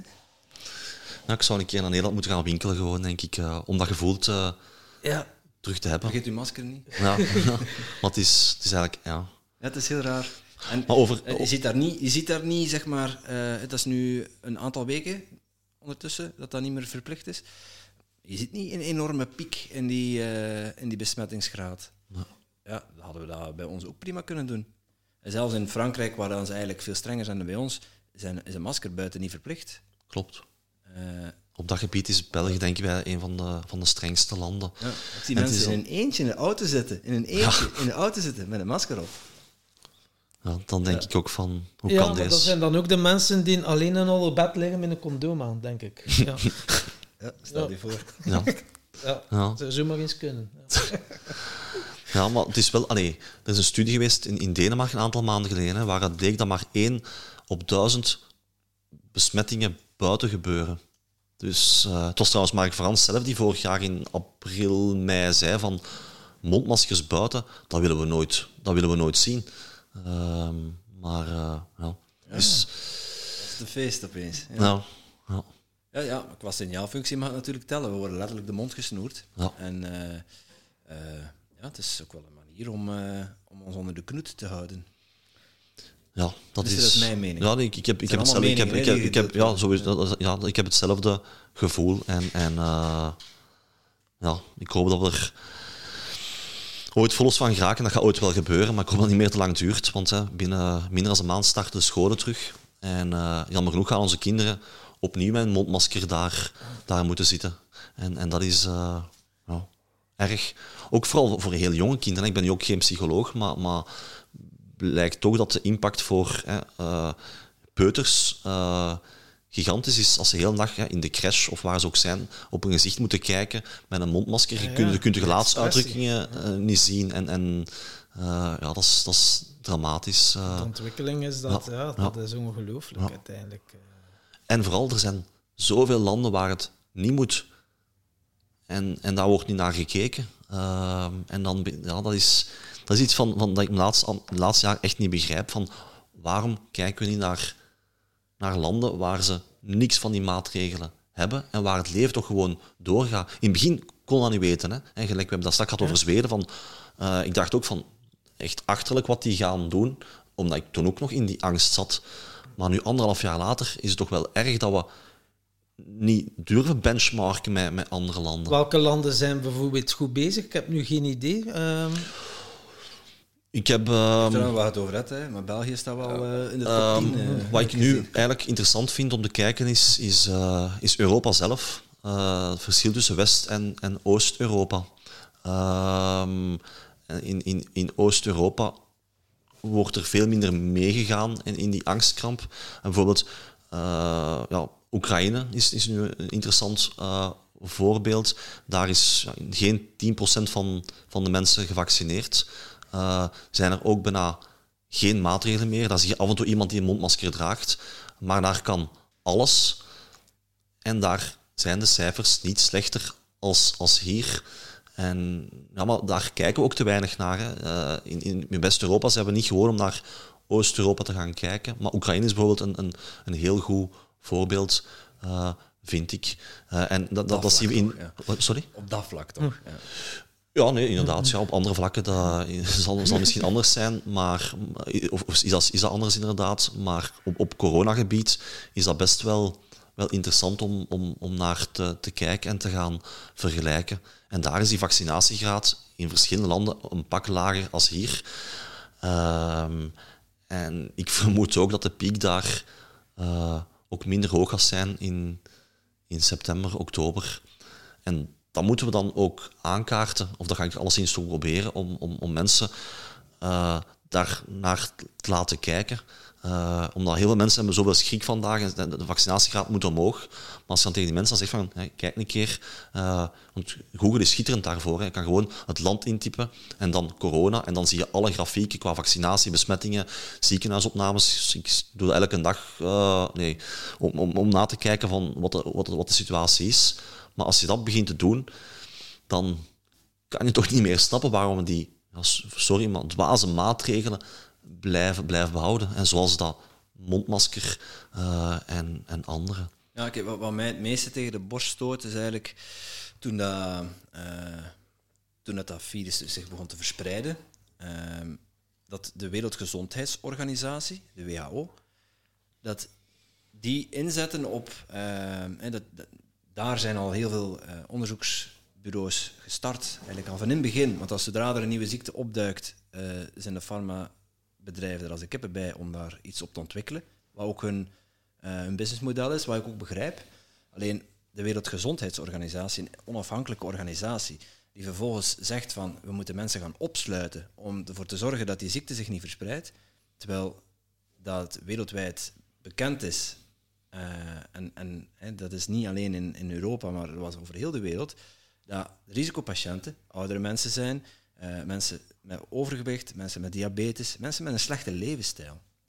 En die slechte levensstijl aanpakken, dat was een kans geweest om wereldwijd zeg maar, de gehele mondiale bevolking uh, eigenlijk sterker te maken. Je immuunsysteem te versterken, maar ook uh, fysiek en mentaal sterker te worden. Want gezonde voeding zorgt gewoon voor een gezonder lijf. En een gezonde lijf zorgt voor een goede weerbaarheid. Zowel tegen ziektekiemen als mentaal. En dan hadden we niet in die angst gezeten. Dan hadden we nu een veel gezondere populatie gehad. Hadden we misschien ook ik weet niet of we dan de pandemie beter onder controle hadden gehad, maar dat was in ieder geval uh, niet 10% van de bevolking bezig met gezonde voeding, maar was misschien 40 of 50% van de bevolking bezig met gezonde voeding. En de effecten daarvan op lange termijn zijn vele, vele malen groter dan ja, vaccineren, wat dan weer voor de korte termijn is. Ja. Uh, even, ja, je ziet het, je ziet wel, uh, het werkt voor, voor oudere mensen, werkt het om niet door te gaan. Of om in ieder geval niet direct al uh, het loodje te leggen of in de ziekenhuizen te komen. Als we de cijfers die gepresenteerd worden mogen geloven, dan zie je dat daar in ieder geval een forse afname is. Dus je kunt ook niet ontkennen dat het voor die groep werkt. Zoals we ook mensen inenten voor de griep. Het, het, was net al even aan bod. Ja, voor die oudere mensen aan hun immuunsysteem laten werken, dat is wel lastiger. Want die, hebben al, die zijn al wat zwakker. Maar de jonge mensen, met name die kindjes van 6 tot 16, maar ook ja, de jongvolwassenen of mensen zoals ons. Uh, ik heb uh, bijna rigoureus gewoon mijn, mijn levensstijl toen omgegooid. Ik ben uh, paleo gaan eten. ik heb dat een maand lang volgehouden. terwijl ik dat zeg, zou ik het eigenlijk nog een keer zo rigoureus moeten doen. want het heeft gewoon een effect op je, ja, op je gemoedstoestand en op je energieniveau. en het effect daarvan mondiaal, ik ben wel heel erg benieuwd wat, ja, wat dat zou opgeleverd hebben. En zwaar teleurgesteld ook dat ze daar niet op ingezet hebben. Dat is een heel goed punt. Um, en dat is eigenlijk een gemiste kans, inderdaad. die kun je niet inhalen. Want als je de, de cijfers bekijkt, hè, blijkbaar uh, is een vrij groot percentage obese. Uh, en daar kan je toch gemakkelijk iets. Allee, niet gemakkelijk, mensen maar. Die sterven ja, mensen die sterven, inderdaad. Uh, is een heel groot percentage uh, heeft obesitas. En diabetes komt ook vaak terug. Um, maar als je dat weet en je legt dat uit, dan kan je mensen aanzetten om een keer meer te gaan bewegen. En oké, okay, als je zwaarlijvig bent, je moet geen marathon gaan lopen. Maar elke dag uh, gewoon het aantal, een bepaald aantal stappen proberen te bereiken, zal al heel veel doen. En, en dat, is, dat is inderdaad nooit aan, aan bod gekomen. Nee, en dat is bijna, allee, om, om, om, om, om vetshaming te vermijden. Ja, ja, mensen moeten ja, binnen blijven. Ja, voilà. Je mag niet meer bewegen, je mag niet meer buiten komen. Ja, en het gewicht dan... is toegenomen trouwens. Hè. Ah, wel, we noemen dat, dat coronakilo's. ik ben afgevallen. Ik ben persoonlijk ik ben afgevallen. Ik ben vier kilo kwijt sinds het begin van de corona. Van de stress. Ja, onder van de stress. Dat heeft andere oorzaak. Maar, uh, uh, maar ja, het eerste... Zeg je dat? Sinds, uh, sinds dat de, de crisis is uitgebroken, uh, ik ben vier kilo afgevallen. Ik voel mij fysiek ook sterker. Ja. ja. De, mensen spreken van corona-kilo's. Dus mensen worden dikker, worden gedwongen om niet meer te sporten. Uh, maar dat is, dat is omgekeerde wereld. Hè? Dat, is, dat is eigenlijk heel pijnlijk, hè? want we weten dat obesitas een van de belangrijkste factoren is om te sterven. En we zijn allemaal ja, samen. Los van COVID, hè? Gemiddeld, ja, ja. ja nee, maar ook met COVID, maar ook los van COVID inderdaad, maar ook met COVID zien we dat de mensen die sterven vaak gewoon serieus veel overgewicht hebben, uh, of diabetes hebben, of, of roken. Um, maar als je dat weet, dan moet je dat toch communiceren, dat we daar iets aan kunnen doen. Maar blijkbaar, we hebben dat niet gedaan. Integendeel, hè, ik dacht dat het ik weet niet of die ik dacht dat in Nederland was dat dat berekend was dat de gemiddelde Nederlander 2,5 kilo is bijgekomen. Het is die groot hoor. Ik weet exacte cijfers niet meer van buiten. Maar het is toch erg dat we zwaarder zijn geworden. Ook logisch, want je hebt aangehaald, de sportscholen zijn toe, uh, we komen niet meer buiten. Maar uh, dat gaat er... was wel open, hè? Ja, de fastfood ja. Ja, ja, klopt. Maar dat, gaat, allee, dat, is, dat, is, dat is dramatisch, want uh, dat kan ervoor zorgen dat de volgende golf die er in september, oktober aankomt, misschien zelfs nog erger zal zijn als vorig jaar. Uh, ook omdat angst meespeelt. Mensen die angstig zijn, zijn gewoon minder sterk, uh, minder weerbaar. Ehm, en uh, daarom, ik heb daar wel wat, wat, wat, angst voor. Angst hebben is nooit goed. Um, maar dat de volgende piek gewoon nog harder gaat zijn als, als vorig jaar. Omdat we ons niet hebben verzorgd. Omdat we wat minder gezond hebben, hebben geleefd. En ook omdat die angst nog bij veel mensen leeft.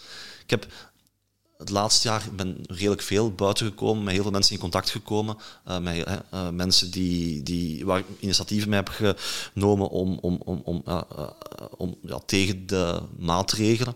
En het mooie is van ja, die de afstandsregels werden dan niet altijd gerespecteerd. en dat is een understatement. Um, maar van al die mensen die ik ben tegengekomen, die zich mee wouden inzetten tegen deze maatregelen, heb ik niemand gekend die, die ziek is geworden uh, van, van, van, van, van corona in, in die periode. En ik denk dat de angst daar uh, wel, wel, wel belangrijk is. Als je daar schik voor hebt en je opeens krijg je het verdikt dat je positief bent op corona, die mensen uh, door de angst die er momenteel heerst in de media, worden gewoon nog een pak zieker dan omdat ze verlamd zijn door, door de angst. Het begint ook een beetje met een gezonde levensstijl. Hè? Maar ja, als je nu zo gewoon een keer in een warenhuis kijkt, 85% van de dingen is allemaal ongezond. En ja, maar natuurlijk, de, de grote industrie, farmaceutische industrie en voedselindustrie, dat zijn goede vriendjes. Hè? De voedselindustrie maakt u ziek en de farmaceutische industrie houdt u ziek. Ja. En uh, ja... En gezond eten is duur, hè? Ja, het is duur. Het is, het is duur. Ja, ja, als je zo'n bioplanet... Ik, ik heb dat een maand gedaan. Ik, kan dat geen, ik kon dat geen jaar volhouden op die manier leven. Maar er is wel 50% van blijven plakken. En niet van de kilo's, maar van het gezonde, gezond, gezonde dingen die in het mandje komen. Ja. Het, ja, ik vind het ergens... Uh, um, ik weet niet meer wat ik wil zeggen. Nee. Ja, wat doe jij bijvoorbeeld om gezond te blijven? Te weinig momenteel. Ik heb daar nog, nog wel werk, eh, werk aan. Uh, dat is bij mij eerst redelijk goed gelukt. In, maart vorig jaar, omdat we niet veel mochten doen, ben ik wel... Allez, ik was dan zelf hè, ik, ziek geworden. Een week of twee toch redelijk ziek geweest. En dan uh, heb ik me beginnen af te vragen van waarom, word ik hier, waarom ben ik hier ziek geworden? En dan ben ik wel uh, gezonder beginnen leven toen. Ik heb redelijk veel gefietst ook. Ik fiets redelijk graag. Um, maar ik moet toegeven dat dat bij mij terug is weggeëpt op, ik denk dat het 8 juni was vorig jaar. 8 juni vorig jaar ging de, ging de horeca terug open. En, dat was het feest. En, en ja, ik ben die, die, die eerste avond met mijn kameraden uh, iets gaan eten en, en, en drinken. En, en uh, ja, de, de volgende weken heb ik vooral ook genoten. genoten, genoten ja, ik, heb, ik heb iets te Burgondisch toen geleefd. Ook omdat ik toen al begon te voelen van, ja, miljarden, binnenkort is het weer van dat. Uh, en dan is ja, effectief de tweede lockdown er gekomen. En ja, ik heb toen ook wel terug wat gezonder gaan, gaan leven. Uh, dus um, ik, ik, moet daar nog, dat is een werkpunt voor mezelf, ik moet daar nog iets meer uh, tijd voor vrijmaken om, om, om te sporten.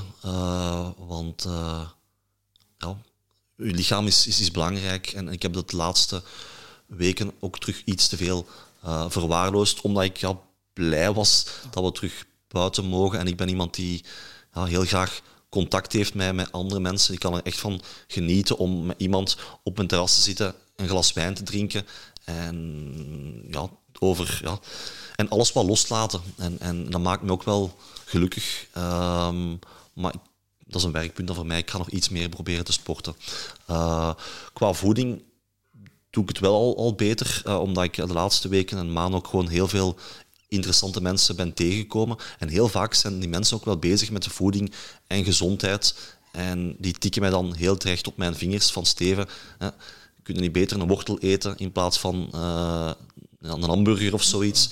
En, en daar ben ik wel allee, meer mee bezig, omdat dat besef ook wel bij mij is gegroeid dat dat, dat, dat belangrijk is. Uh, Ja, ze zeggen wel, your issues are in your tissues. Ja. Dus eh, als je iets in je mond steekt, je lichaam maakt daar bouwstenen van om je cellen te vernieuwen. En als dat een hamburger is, dan eh, worden je cellen vernieuwd met de voedingsstoffen die ze uit de hamburger halen. Ja. En ja, er zit toch iets minder, eh, zeg je dat, iets minder vitamintjes en minder voeding in, voedingswaarde in dan eh, gezonde voeding. Ja, je kunt zeggen dat je moet ook niet allemaal, niet iedereen moet extreem eh, gezond gaan worden of gezond gaan leven. Dus het vraagt ook wel wat discipline. Ja. Maar zo eh, 50-50 zou al voor heel veel mensen heel, heel veel helpen. En eh, mensen zoals Richard Let, ik weet niet of je die kent, Nee. eh, die, eh, die predikt het, eh, zijn eh, oersterk eh, dieet, is een paleo. Gebaseerd op, ja, eet 500 gram groente per dag en eh, matig gewoon uw aardappelconsumptie, uw rijstconsumptie, pastaconsumptie. Dat is allemaal snelle koolhydraten. Leg die even opzij en ja, neem koolhydraten tot u die, eh, die wel de voeding geven die, die uw lichaam nodig heeft. Maar ook vetten en eiwitten, want uw lichaam heeft vetten en eiwitten nodig om goed te kunnen functioneren. Spieren om die te laten groeien, vraagt aan eender welke bodybuilder, wat moet je nemen om spieren te laten groeien? Eiwitten. En je hersenen, het klinkt heel stom, En want we picuren. picuren. ja, ja, anabole steroïden helpen ook. Ehm, dat is ook goed voor je focus, Tom, trouwens. heb ik gehoord. Ehm, maar ja, uw hersenen, we hebben, die- we hebben nu hersenen nodig, vetten. En mensen denken, oeh, een hamburger, dat is vettig. Een hamburger is helemaal niet zo vettig. Dat zit vol met snelle koolhydraten. Ja. En suikers. Je lichaam breekt dat af tot suikers. Ah, van die suikers word je dik. Je wordt niet vet, dik van vetten. Eet noten, eet verse vis, eet eh, af en toe een avocado. En u weet wat je, uw lijf gaat u dankbaar zijn. Klopt. En ook uw, uw hersenen, want die hebben die, eh, die vetten nodig. En ja, mensen daarin een beetje opleiden en bewust maken, dat is, eh, vind ik zelf persoonlijk een belangrijke taak van, van de overheid. Eh, ja, wij dragen er ook ons steentje aan bij, onder andere met deze podcast. Maar ik denk wel dat ook opnieuw daarom deze crisis uiteindelijk zal, zal leiden tot iets positiefs. Omdat we gaan inzien, volgens mij, dat, eh, dat de farmaceutische bedrijven het niet altijd even goed met ons menen. Eh, we worden hè, gepusht naar, naar die prikken en, en boosterprikken. Eh, maar dat zal ook wel het besef doen, toenemen dat we gezonder moeten, moeten leven. En ik denk dat al veel meer mensen vandaag met gezondheid bezig zijn dan, dan, dan voor deze crisis. En, en dat bewustzijn gaat volgens mij enkel nog, nog groeien, omdat meer mensen gaan inzien van miljarden die, die pharma heeft eigenlijk niet, niet goed met ons voor. En, want die willen gewoon meer winst maken. En hoe zieker de mensen zijn, hoe meer dat ze kunnen blijven eh, verdienen. Ja, leven de chronische ziekten, hè? Ja. hebben die zoiets? Ja, dat is levenslang pillen pakken. Ja. Dus eh, dat is eigenlijk easy en een makkelijk verdienmodel. Hè? Ja, in de bijsluiter staat er dan eh, eh, niet, niet te lang gebruiken, maar eh, dat zijn hele kleine lettertjes. Hè. Ja. Beseffen mensen niet. Ja, hoeveel mensen zijn er verslaafd aan, aan antidepressiva of kunnen niet meer zonder of slaappillen of... Ja, big business. En die krijgen dan weer andere bijwerkingen die ze kunnen Ja. reduceren met weer een ander pilletje. Het is, eh, ja. Ja, maar eh, ja, voor veel mensen denk die dat nu gaan horen, gaan hier al eh, toch al, eh, sommigen toch misschien al van oudere stoel liggen. Oh, het Ja, konijn, dat- het het konijn ligt ook van oudere ik. Amai, maar welke boodschap kunnen wij meegeven aan de mensen om uit die angsthypnose, eh, uit die angst te komen uiteindelijk? Wat, wat zou jij de mensen meegeven van, ja oké, stel jezelf kritische vragen of ja, dat is ook weer zo vrij. Wat, wat, welke stappen kunnen mensen nemen van, ja, die dat horen, die dus zoiets hebben. Oké, ja, er zit wel iets in, maar ja, het probleem is, voor iedereen is dat natuurlijk anders. En, en daarom dat ik ook elke week eh, van alles schrijf, omdat op, op, op, op, gebaseerd op, op, op feiten, omdat iedereen, iedereen heeft iets anders nodig, blijkbaar om minder, minder angstig te zijn. Maar ik denk het makkelijkste is, hè, wat ik daar straks misschien heb aangehaald, heb, aangehaald van bijvoorbeeld Oekraïne. Eh, je hebt zoveel landen waar de cijfers niet slechter zijn als in België, maar waar geen maatregelen zijn. En ik denk gewoon dat we daar meer op moeten wijzen. En als je bang... Als je, ja. Het is in vorm. Hij is dus een picuur gehad. Eh, Er zijn meer wat bijwerkingen, geloof ik. Ik- maar ik weet niet of dat AstraZeneca of Pfizer is dat hij gehad. Het zal konijnenziekte geweest zijn, toch? Ja. Nee, ik denk van uh, om, als je angstig bent. Het probleem is, die mensen gaan het natuurlijk niet opzoeken, hè, maar, maar het ideaal zou zijn om hen te wijzen op voorbeelden in andere landen uh, waar er geen maatregelen zijn, waar amper geprikt wordt en waar de mensen toch gewoon leven. En, en dat besef moet, moet, moet komen. Uh, en gelijk iemand die in het noorden van België woont, die een keer af en toe gaat winkelen in Nederland en die heel angstig is, maar die gaat wel vaststellen, van ja, hier, hier draagt niemand een, een, een mondmasker. Die zijn en, zot. Die zijn, die zijn zot, ja. En, en, en toch zijn de cijfers in Nederland niet slechter dan in België. En, en ik denk dat het allemaal kleine zaken zijn Ja. die dan aan moeten, moeten bijdragen. Of je kunt allee, ook je tv uitzetten, maar, maar de mensen zijn, allee, zijn, zitten vaak gekluisterd aan, aan, aan hun tv. Maar het zijn allemaal verschillende, verschillende zaken. Maar we moeten weg van de angst. Journaal, dat 1 uur journaal Ja. en dan ook nog eens dat laat avondjournaal. Ja. Ja. En, en dat is het grootste probleem volgens mij. Als we de angst kunnen reduceren, dan verdwijnt deze pandemie vol- volgens mij. Ja, en eh, De echte pandemie is gewoon de angst, hoor ik je daarmee zeggen. Voor, dat is al, al sinds mijn analyse wel, ja, klopt. Eh, En, en dat, dat, dat zie je gewoon in, in landen waar er, waar er niet zoveel angst is, eh, waar mensen gewoon leven. Ehm, en, en beseffen van, ja, ooit gaan we wel, wel dood, maar laat ons nu gewoon toch even normaal doen en, en, en genieten van, van het leven zonder angst. En dat klopt inderdaad. Vanaf dat je geboren bent, ja, dan ben je terminaal. Ja. Zo simpel is het. En ja, veel mensen zijn zo bang voor de dood, maar ze zijn nu wel gestopt met leven. Ja. En ik zei soms vroeger zo, als ik dan in zo'n gesprek, maar ik zeg, oeh, bang voor de dood. Maar ik zeg, je zegt stop met leven. Ik zeg, "Pff, kunt je dat toch nu ook een einde aan maken? Nou, ik zeg, je leeft toch niet, maar daar, daar ben ik mee gestopt mee, mee dat te zeggen. Maar om, ja, ja. om mensen toch maar even, ja, af en toe moeten een keer chockeren. En eh, dan ze tot een nieuw besef komen van, wow, wat is dat hier? Want als je het zo gewoon praat, praat, praat, praten ze in slaap of, of zitten ze in die hypnose. Maar het is pas door een shock-effect dat in ene keer, wow, een nieuw bewustzijn, dat, het, ja, dat is een paradigmaverschuiving dat er dan gebeurt. Maar ja, het is, dat aan ons om dat te doen? Ja, wij kunnen het wel delen en met onze podcast gaan we ook een steentje toe bijdragen. En ja, mensen zullen nu ook wel ondertussen doorhebben wat dan mijn mening erover is. Maar ja, ik wil ook niet... eh, Dat is nog niet de, de boel, ik wil ook niet de boel ophetsen. En ja, iedereen moet dat voor zichzelf hebben. Maar iemand die hem niet laat vaccineren, of wel, iedereen is gelijk. Ik ga niet iemand anders bekijken of dat hij zich wel of niet laten vaccineren. Laat iedereen in zijn waarde. En als die persoon hem veilig voelt eh, om hem te laten vaccineren, dan zeg ik, doe dat maat. Ja, want dat is nog beter dan dat u niet laat vaccineren. Iemand die het gevoel heeft, ik ga mijn vaccinatie laten zetten, want dan ga ik veilig zijn. Ja, dat doet ook al iets in uw mindset en gaat ook andere stofjes aanmaken. Ja, en Matthias de Smet, eh, we hadden hem in route 56 te gast. Eh, die had het daar ook nog over. Ja, van, ja, mensen in, een waan leven van, ja, maar het vaccin, dat gaat mij redden. Die tijd wisten we nog niet wat het effect ging zijn van, eh, van de vaccinaties. Ja, nu zien we dat het eh, niet geeft wat het er ons beloofd is.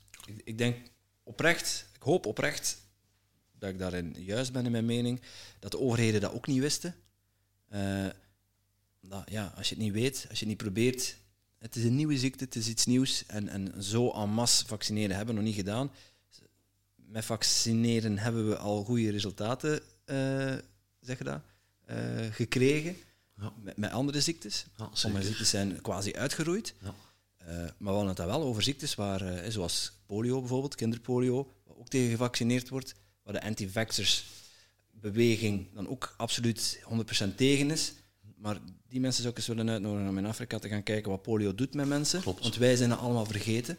Maar verlammingen en ja, de meest schrikbarende beelden die je dan ziet, ja, dat je daarvan bespaard kan blijven, dat is En een zegen. te- Maar te- tegen polio vaccineren was ook iets heel anders. Hè. Polio, als ik het goed begrijp, want ik ben natuurlijk geen, geen, geen wetenschapper, eh, is een virus dat niet muteert.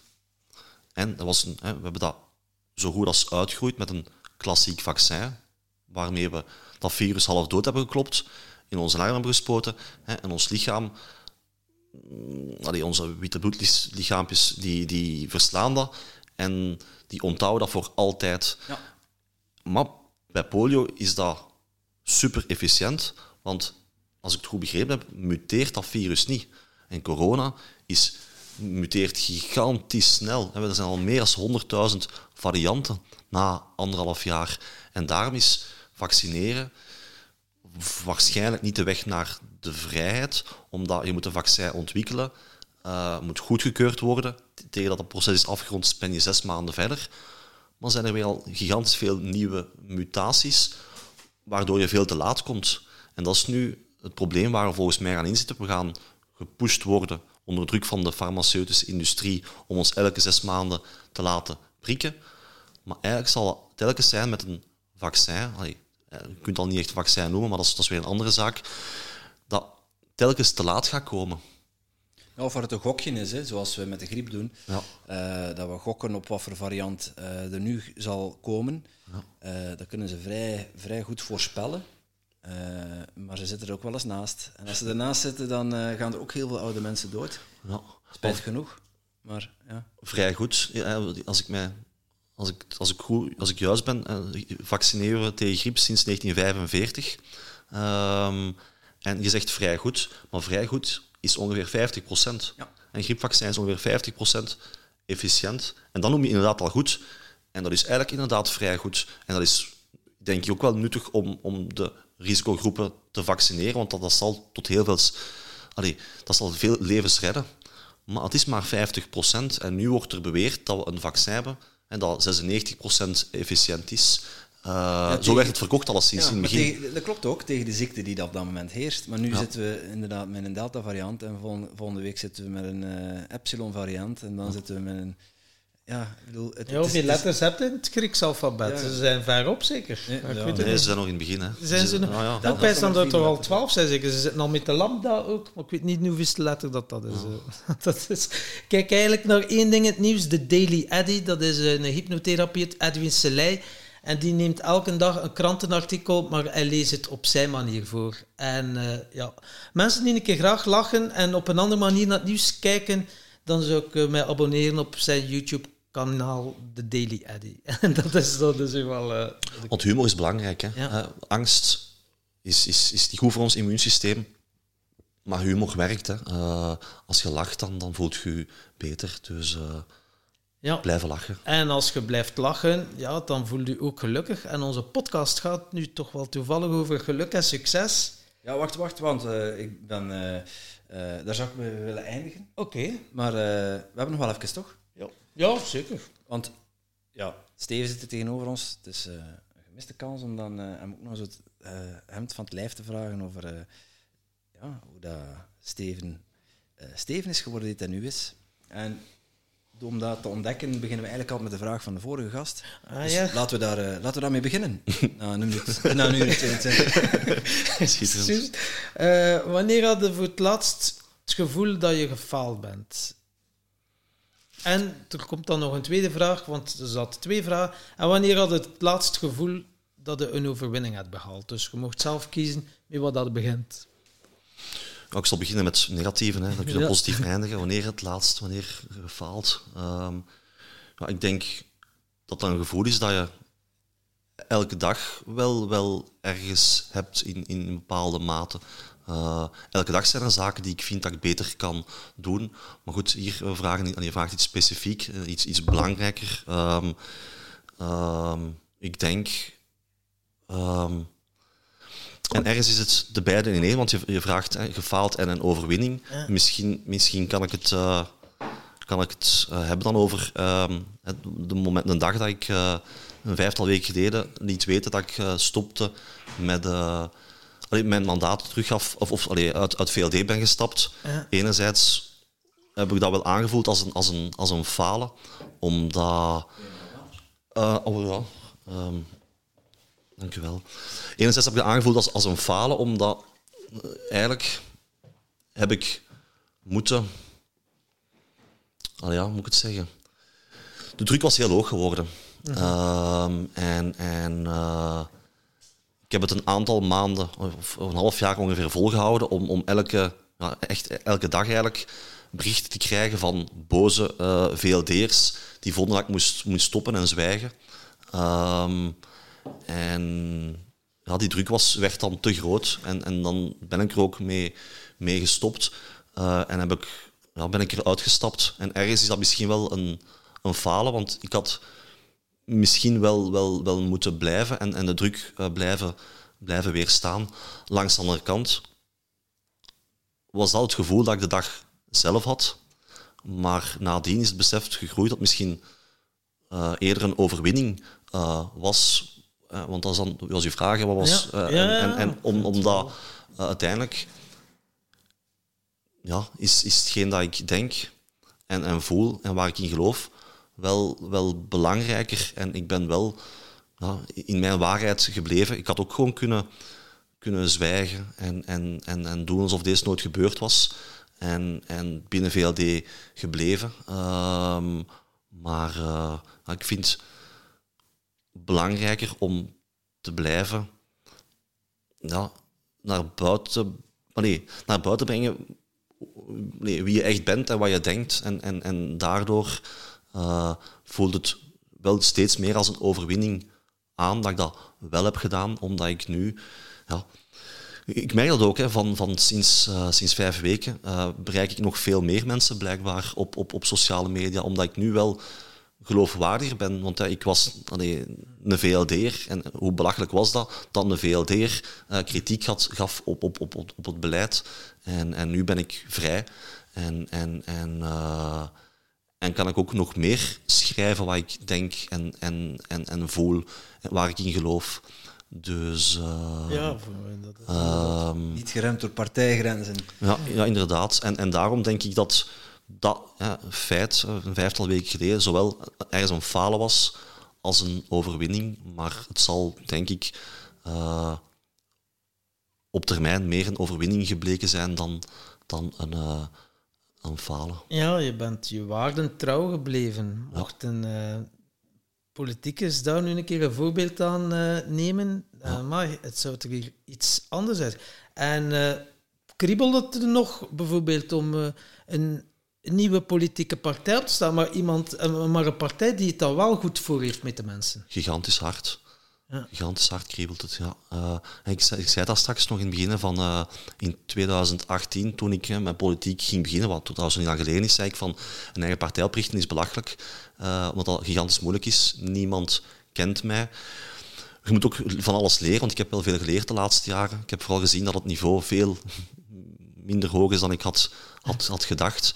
Ehm, en ja, daarom kriebelt het nu echt wel gigantisch. En ik ben de laatste weken ook met heel veel mensen aan het praten om, om te kijken uh, of we een nieuwe beweging, ik zeg bewust beweging en niet partij, maar een beweging, ja.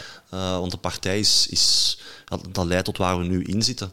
Uh, maar uh, als we een heel aantal, vooral niet-politici, met juiste normen en waarden en een juiste visie op lange termijn kunnen verenigen, kunnen we volgens mij wel iets, iets mooi realiseren. En, en, en, en daar ben ik nu aan, aan het werken. Uh, om ja, na te kijken. Allee, ik denk dat we vooral moeten durven dromen. Uh, dat, dat doet de politiek nu niet. Hè. Politici die leven van verkiezingen na verkiezingen, komen nooit hun beloftes na. En, en, en hoe ik het nu zie, is uh, dat we ja, samen met een groep moeten dromen en kijken van waar willen we naartoe? In wat voor een wereld, in wat voor een samenleving willen wij leven. Uh, dat is de eerste stap. Je moet weten waar, je, waar je warm van wordt, zal ik zeggen. En dan de volgende stap is volgens mij een plan uitwerken hoe je daar naartoe kan, kan, kan, kan geraken. Uh, en dat ben ik nu aan het, uh, aan het proberen. Maar echt, dat is hetgeen dat mij blij maakt. Eh, energie geeft de laatste weken. In dat proces kom ik zoveel super mooie mensen tegen. die ook ja, heel mooie dromen hebben. En, en, en, en die ook dromen van een, van een betere en een warmere samenleving. En, en ik, ik hoop dat ik erin kan slagen om, om, om die mensen meer te verenigen. En met een, ja, een, een, nieuwe beweging naar, naar buiten te kunnen komen. Uh, want die is volgens mij echt nodig om. We weten, normaal gezien zal deze coronapandemie ergens wel, wel, wel stoppen. Maar uh, ja, er zijn toch een heel aantal pijnpunten blootgelegd. En, en, en daarom zal het misschien ook positief geweest zijn dat we deze pandemie hebben gehad om, om, om, om dat, dat, meer te beseffen. hebben we dat straks al besproken. En daarom ja, hoop ik, denk ik, dat we uh, uh, dan mijn we alternatief... leren ook. Dan we eruit Ja, dan- leren uit die fouten. Want de geschiedenis herhaalt zich meer al de Tweede Wereldoorlog. Er zijn sommige mensen die al de parallel trekken. Ja, veel verschil is er niet. Meer wat dat er in de Tweede Wereldoorlog en wat dat er nu aan het gebeuren is. Er is natuurlijk wel nog eh, een verschil. Allee, ik, ik denk wat je wil zeggen, en daar ben ik helemaal akkoord, is de fase naar de Tweede Wereldoorlog. Hè. Ehm, Propaganda. ja, de propaganda en, en, en, en die, die jaren dertig zijn, zijn niet, inderdaad... Niet één op één vergelijken. Nee, nee, nee, nee. nee. nee, nee, want Maar, dat is, maar dat, is, dat, is, dat, is inderdaad, dat is inderdaad juist en, en, en gevaarlijk. En dan, hè, we hebben dat straks al gehad over Matthias de Smet. Hè, hij spreekt er ook vaak over. Hè, en eh, hij haalt dan vaak Hannah Arendt aan. Ehm, en, en, en ik heb dat, allee, omdat ik ook graag naar Matthias luister, heb ik, heb, dat, heb ik ook verschillende boeken over beginnen lezen. En, en ehm, ja, het is wel ontluisterend de gelijkenissen die je eigenlijk die je kan, die je kan maken. En, en, eh, en ik heb nu ook meer besef van hoe er is kunnen gebeuren, wat er in de Tweede Wereldoorlog is, is gebeurd eigenlijk. eh, ehm, omdat je nu ook ziet hoe dat mensen tegen elkaar worden, worden opgezet.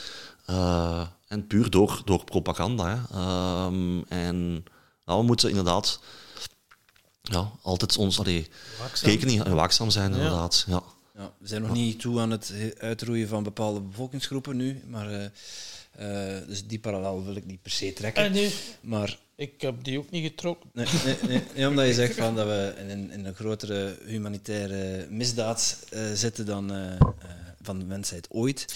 En je zult me ooit zijn al- gelijk geven. Er zijn, ja, maar er zijn, ik bedoel, en masse mensen uitroeien is toch nog iets anders dan. Eh, Nu is het nog erger. Zitten, hè. nu is het nog erger. Dat nu, weet ik niet, Tom. Dat nu, weet- ja, nou goed. nu Dat gaan is- ze dat is een discussie die mensen ik hier niet wil vergiftigen misschien. Ja, Hè? ja. Allee, ja, Dat is dus- een discussie die ik hier niet wil Ja, voilà. Dus, eh, Eh, ik ben wel nog benieuwd eh, bij Steven, zijn, naar Steven zijn verhaal. Want ja, je, bent, je hebt wel een boeiende achtergrond. Eh, als ik zo de, de dingetjes gevolgd heb, je bent, eh, je bent militair geweest, Ja. eh, maar je bent ook ondernemer. Eh, Je bent al een jaar of tien ondernemer ondertussen.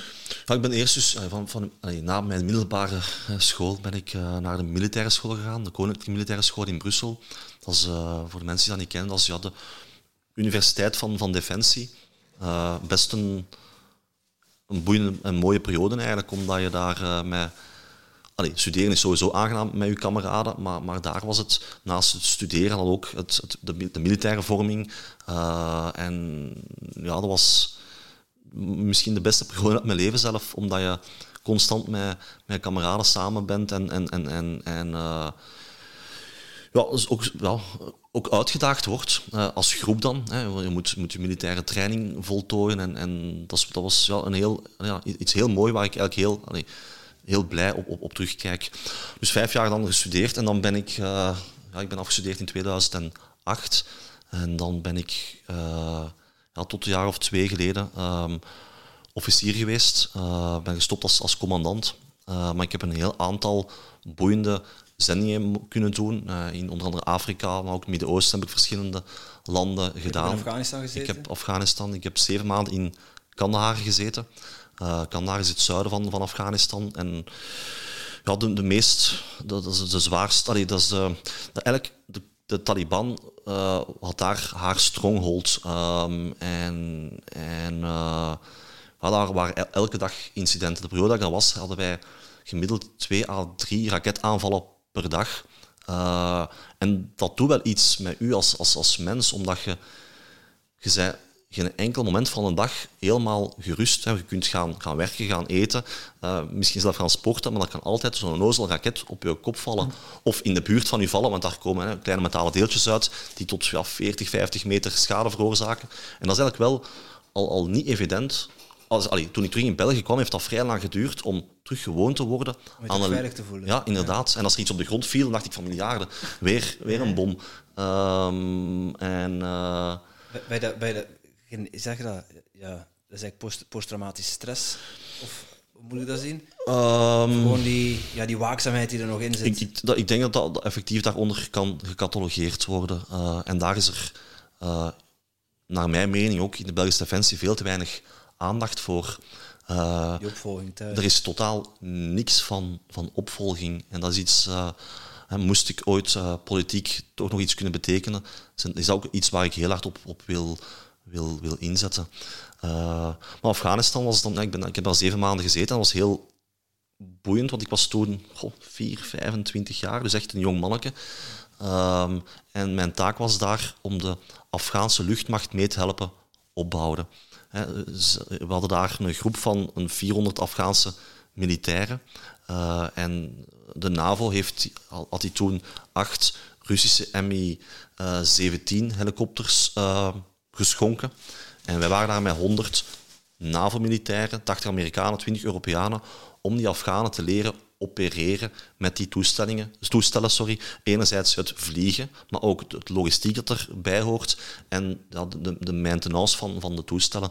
Mijn eh, functie was, ik was, ik, was eh, inlichtingofficier, ik ben specialist in wapensystemen die kunnen gebruikt worden tegen vliegtuigen. Eh, mijn taak in Belgische Defensie was dan ook piloten voor hun zending brieven over de mogelijke dreigingen tijdens hun zending eh, en hoe daar best mee omgaan, op welke hoogte vliegen, eh, welke eh, systemen zelf te gebruiken tegen bepaalde wapensystemen. Dat is met shavs en flares, als moesten jullie dat, dat kennen. En ik was daar in Afghanistan om, ik had daar acht ehm, Afghaanse leerlingen die ik moest leren hoe dat je een zending voorbereidt en de piloten brieft. Maar dat was, dat was een heel boeiende periode. Vooral als je... Ja, ik was zelf, een, ja, ik heb het net gezegd, een manneke van 3, 4, 5, nee, 4, 25 jaar was ik. En ja, mijn leerlingen waren ja, mannen rond de 40, 45, hè, met, met lange baarden. Eh, en en, en eh, in het begin was dat heel onwennig, maar het mooiste was eigenlijk toen ik terug naar, naar huis ging. Ik was uiteraard heel blij om, om na zeven maanden, want ik heb daar zeven maanden gezeten, wat toch wel een best lange periode is, terug naar huis te mogen gaan. Maar ik had wel allee, tranen in mijn ogen als ik afscheid, afscheid nam van, van, van die mannen. Eh, enerzijds omdat we nog heel mooi een band hadden, maar anderzijds ook van het besef van, van hoe gelukkig wij mogen zijn dat we hier in West-Europa leven in een ja, in klimaat van... Allee, we, hebben, we kennen geen angst. En, en, allee, angst nu, nu wel natuurlijk, maar we kennen geen, geen oorlogen meer sinds, sinds 1945. En we, zijn, we beseffen niet hoe gelukkig dat, dat we daarmee mogen zijn. En die gasten, en mijn leerlingen toen, waren 40, 45 jaar. Als ik me niet vergis, is er in Afghanistan sinds 1970 altijd een oorlog en conflict geweest. Die mensen weten dus niet hoe het is om te leven in een land zonder, zonder oorlog. Ja, waar het relatief En, veilig eh, is. ja, inderdaad. En dat is... Ja, ehm, dat heeft me wel als mens gevormd. Hè, want eh, dat is, ik ben op heel veel plaatsen geweest en ik heb altijd geluk gehad dat ik mensen heb goed kunnen leren, leren kennen. En ik heb altijd wel veel uit, uit opgepikt.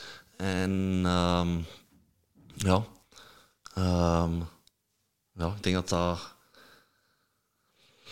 Dat heeft me veel bijgebracht, alleszins. eh, Wat is zo de belangrijkste les dat je daaruit geleerd hebt, zo, eh, je legeravonturen?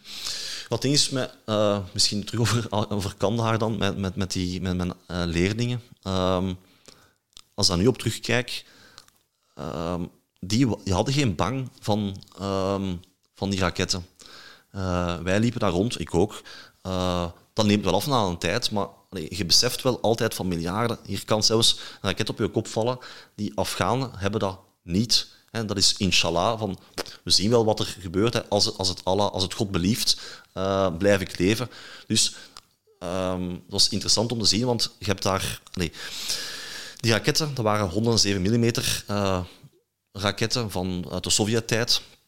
Ehm, ze schieten af, bijna gelijk in een tekenfilm kun je dat voor je zien, hè, van, hè, met, met, met een lucifer en, en gelijk Tom en Jerry-achtig. Eh, maar zo gebeurt het bijna. En die mannen weten van, als je dat afsteekt, dat dat acht kilometer verder ongeveer valt. Dus die mannen die stonden op acht kilometer van, van de basis waar wij eh, leefden. En die wisten dat dat daar ergens ging, ging, ging neervallen. En daarom hadden wij een soort van ehm, ja, ballonradar op 4 kilometer gezet. Eh, en die detecteerde als er een raket ehm, eh, af, af, afgeschoten werd. Die werd, als ze hoog genoeg kwam tenminste, na drie, vier seconden uh, gedetecteerd. Als ik me goed herinner, duurde het ongeveer een, een, een twaalftal seconden voordat ze bij ons ergens neerkomt. Dus hè, als het alarm afgaat, heb je vijf, zes seconden om gewoon op de grond te gaan liggen, omdat je dan de kans reduceert dat die metalen deeltjes, als dat in de buurt van u zouden ontploffen, uh, op u zouden komen. Maar het was dan interessant om te zien dat als het alarm afging, wij gingen allemaal op de grond liggen, omdat dat ergens logisch is, want ja, dat reduceert de kans om, om gewond te geraken of, of, op, op, op, op, op je hoofd te krijgen. Maar die Afghaanse militair of de Afghanen het algemeen, die bleven gewoon rustig verder wandelen en werken en doen. Die trokken zich daar niks van aan. En eigenlijk is dat wel mooi om te zien. Die hadden geen schrik. En die hebben geen schrik omdat ze, ja, zij geloven um, die zijn in, in, in, in dat land. Ja, maar het is, het is meer. Het is eigenlijk, ze geloven, zij zijn heel gelovig. En, en, en, en zij geloven dat ze.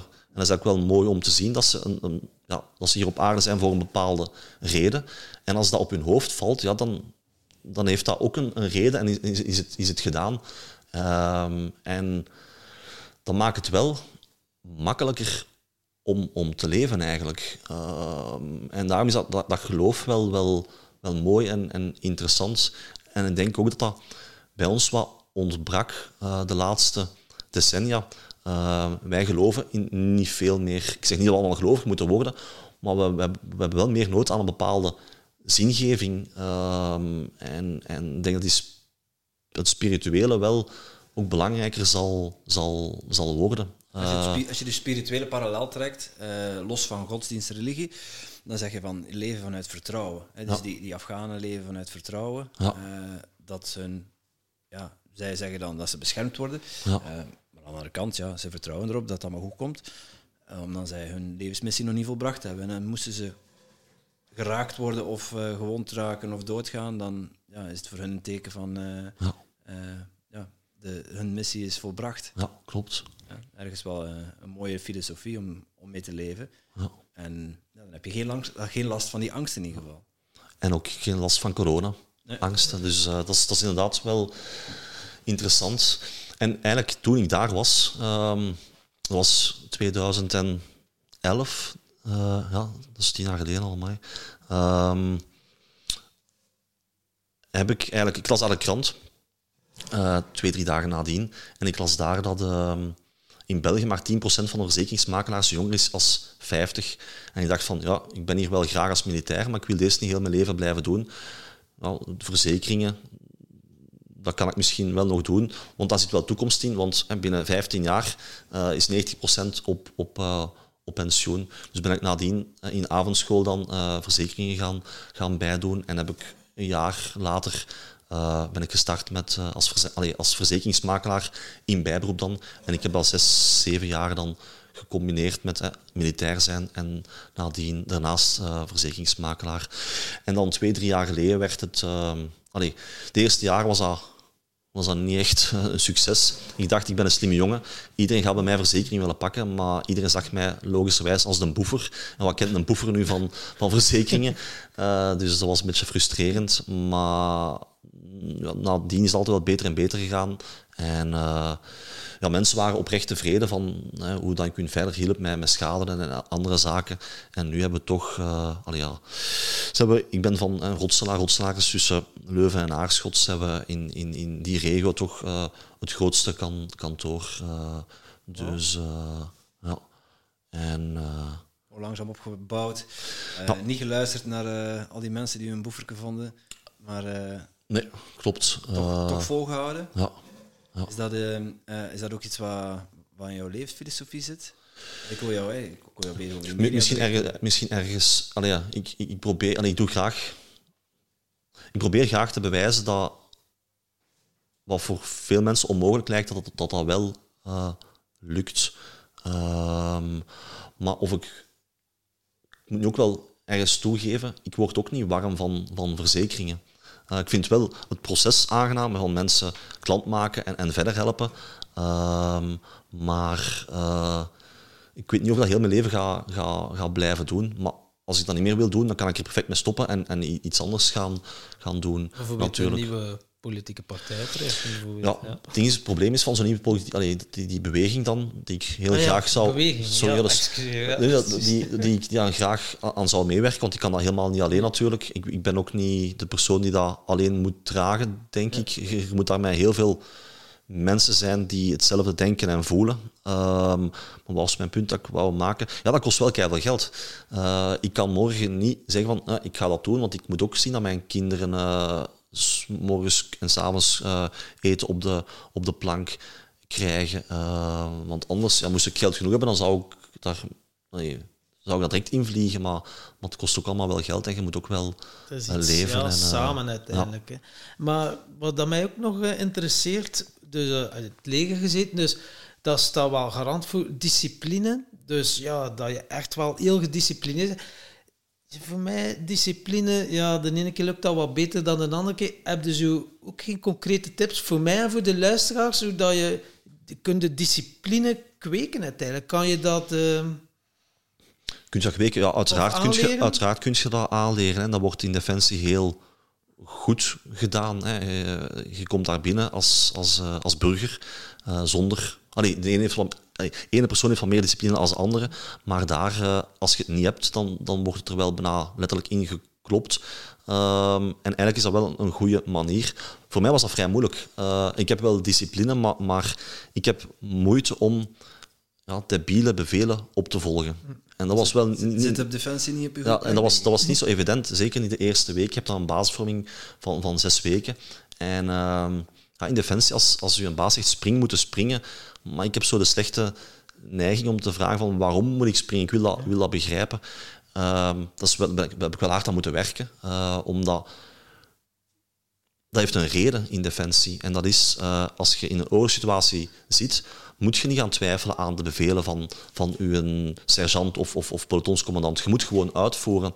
Um, en daarom is dat zo belangrijk. Gelukkig was ik dan wel een luchtmachtofficier. En ik heb mijn opleiding, was dat soms wel wat lastig, om, omdat als ik debiele bevelen kreeg, uh, ja, dan komt Steven in, in, in opstand een beetje. Maar goed, ik ben er redelijk goed doorgeraakt. Maar gelukkig, nadien in de luchtmacht, was dat wel uh, juister. Um, allee, moet ik het uitleggen? De F-16... Ja, nee, ja, het ding is, een F-16 um, die, die vliegt en operationeel is, um, daar is niet enkel de piloot belangrijk, maar iedereen heeft daar zijn steentje bij te dragen. En als de mechanicien zegt tegen de piloot van, op, hier is een probleem, moet hij dat kunnen zeggen en is dat super belangrijk. En daarom in de luchtmacht, uh, waar ik dan eh, 16 jaar heb, heb ingezeten, mocht je wel kritiek geven, mocht je wel je mening geven en worden er geen debiele bevelen gegeven. Uh, en, en, en, daar kon ik dan wel gelukkig uh, aarden. Uh, maar had ik heel mijn leven in de landmacht moeten zitten, had dat waarschijnlijk niet goed gekomen. Omdat de eerste jaren lukt dat je jong bent en je wilt um, je vorming voltooien. Um, maar ja, hoe ouder je wordt, hoe, hoe kritischer je wordt. En dat had volgens mij wel, wel gebotst als ik in zo'n systeem had, had, had moeten blijven. Is wat we nu ook zien met, met, met deze pandemie. Uh, ik heb mijn, mijn, mijn waarheid, we hebben het straks over waarheid gehad, misschien is die ook helemaal fout, maar ik vind het wel belangrijk dat ik mijn waarheid kan, kan uitdragen en ik ga die ook blijven, blijven meedelen. Um, en en um, ja, dat was. Dat was, um, wat was, wat was nu eigenlijk de vraag? Want ik ben, uh, discipline, ben, concrete discipline. tips ja, uh, van... Concrete tips. Ik denk, kloppen. Ja, nee, ik denk... Nee, in defensie is dat, ik, ik zei dat het een goed voorbeeld is, omdat het daar nodig is. Ja. Maar ik denk discipline... Eigenlijk moet je, het, moet je het vooral voor Zelf, jezelf... Zelfdiscipline. Ja, dat is misschien concrete tips voor meer zelfdiscipline. Goh. Wat doe jij bijvoorbeeld? Als je echt zoiets hebt van, kijk, ik wil dat bereiken... Uh, ga en je gaat er echt voor. Hoe, hoe creëer je dat gevoel van... Of ja, dat is uh, misschien wel interessant. Ik uh, vind het moeilijk om daarop te antwoorden eigenlijk. Uh, eigenlijk in, je, antwoorden net zat al een, een, een tip verstopt.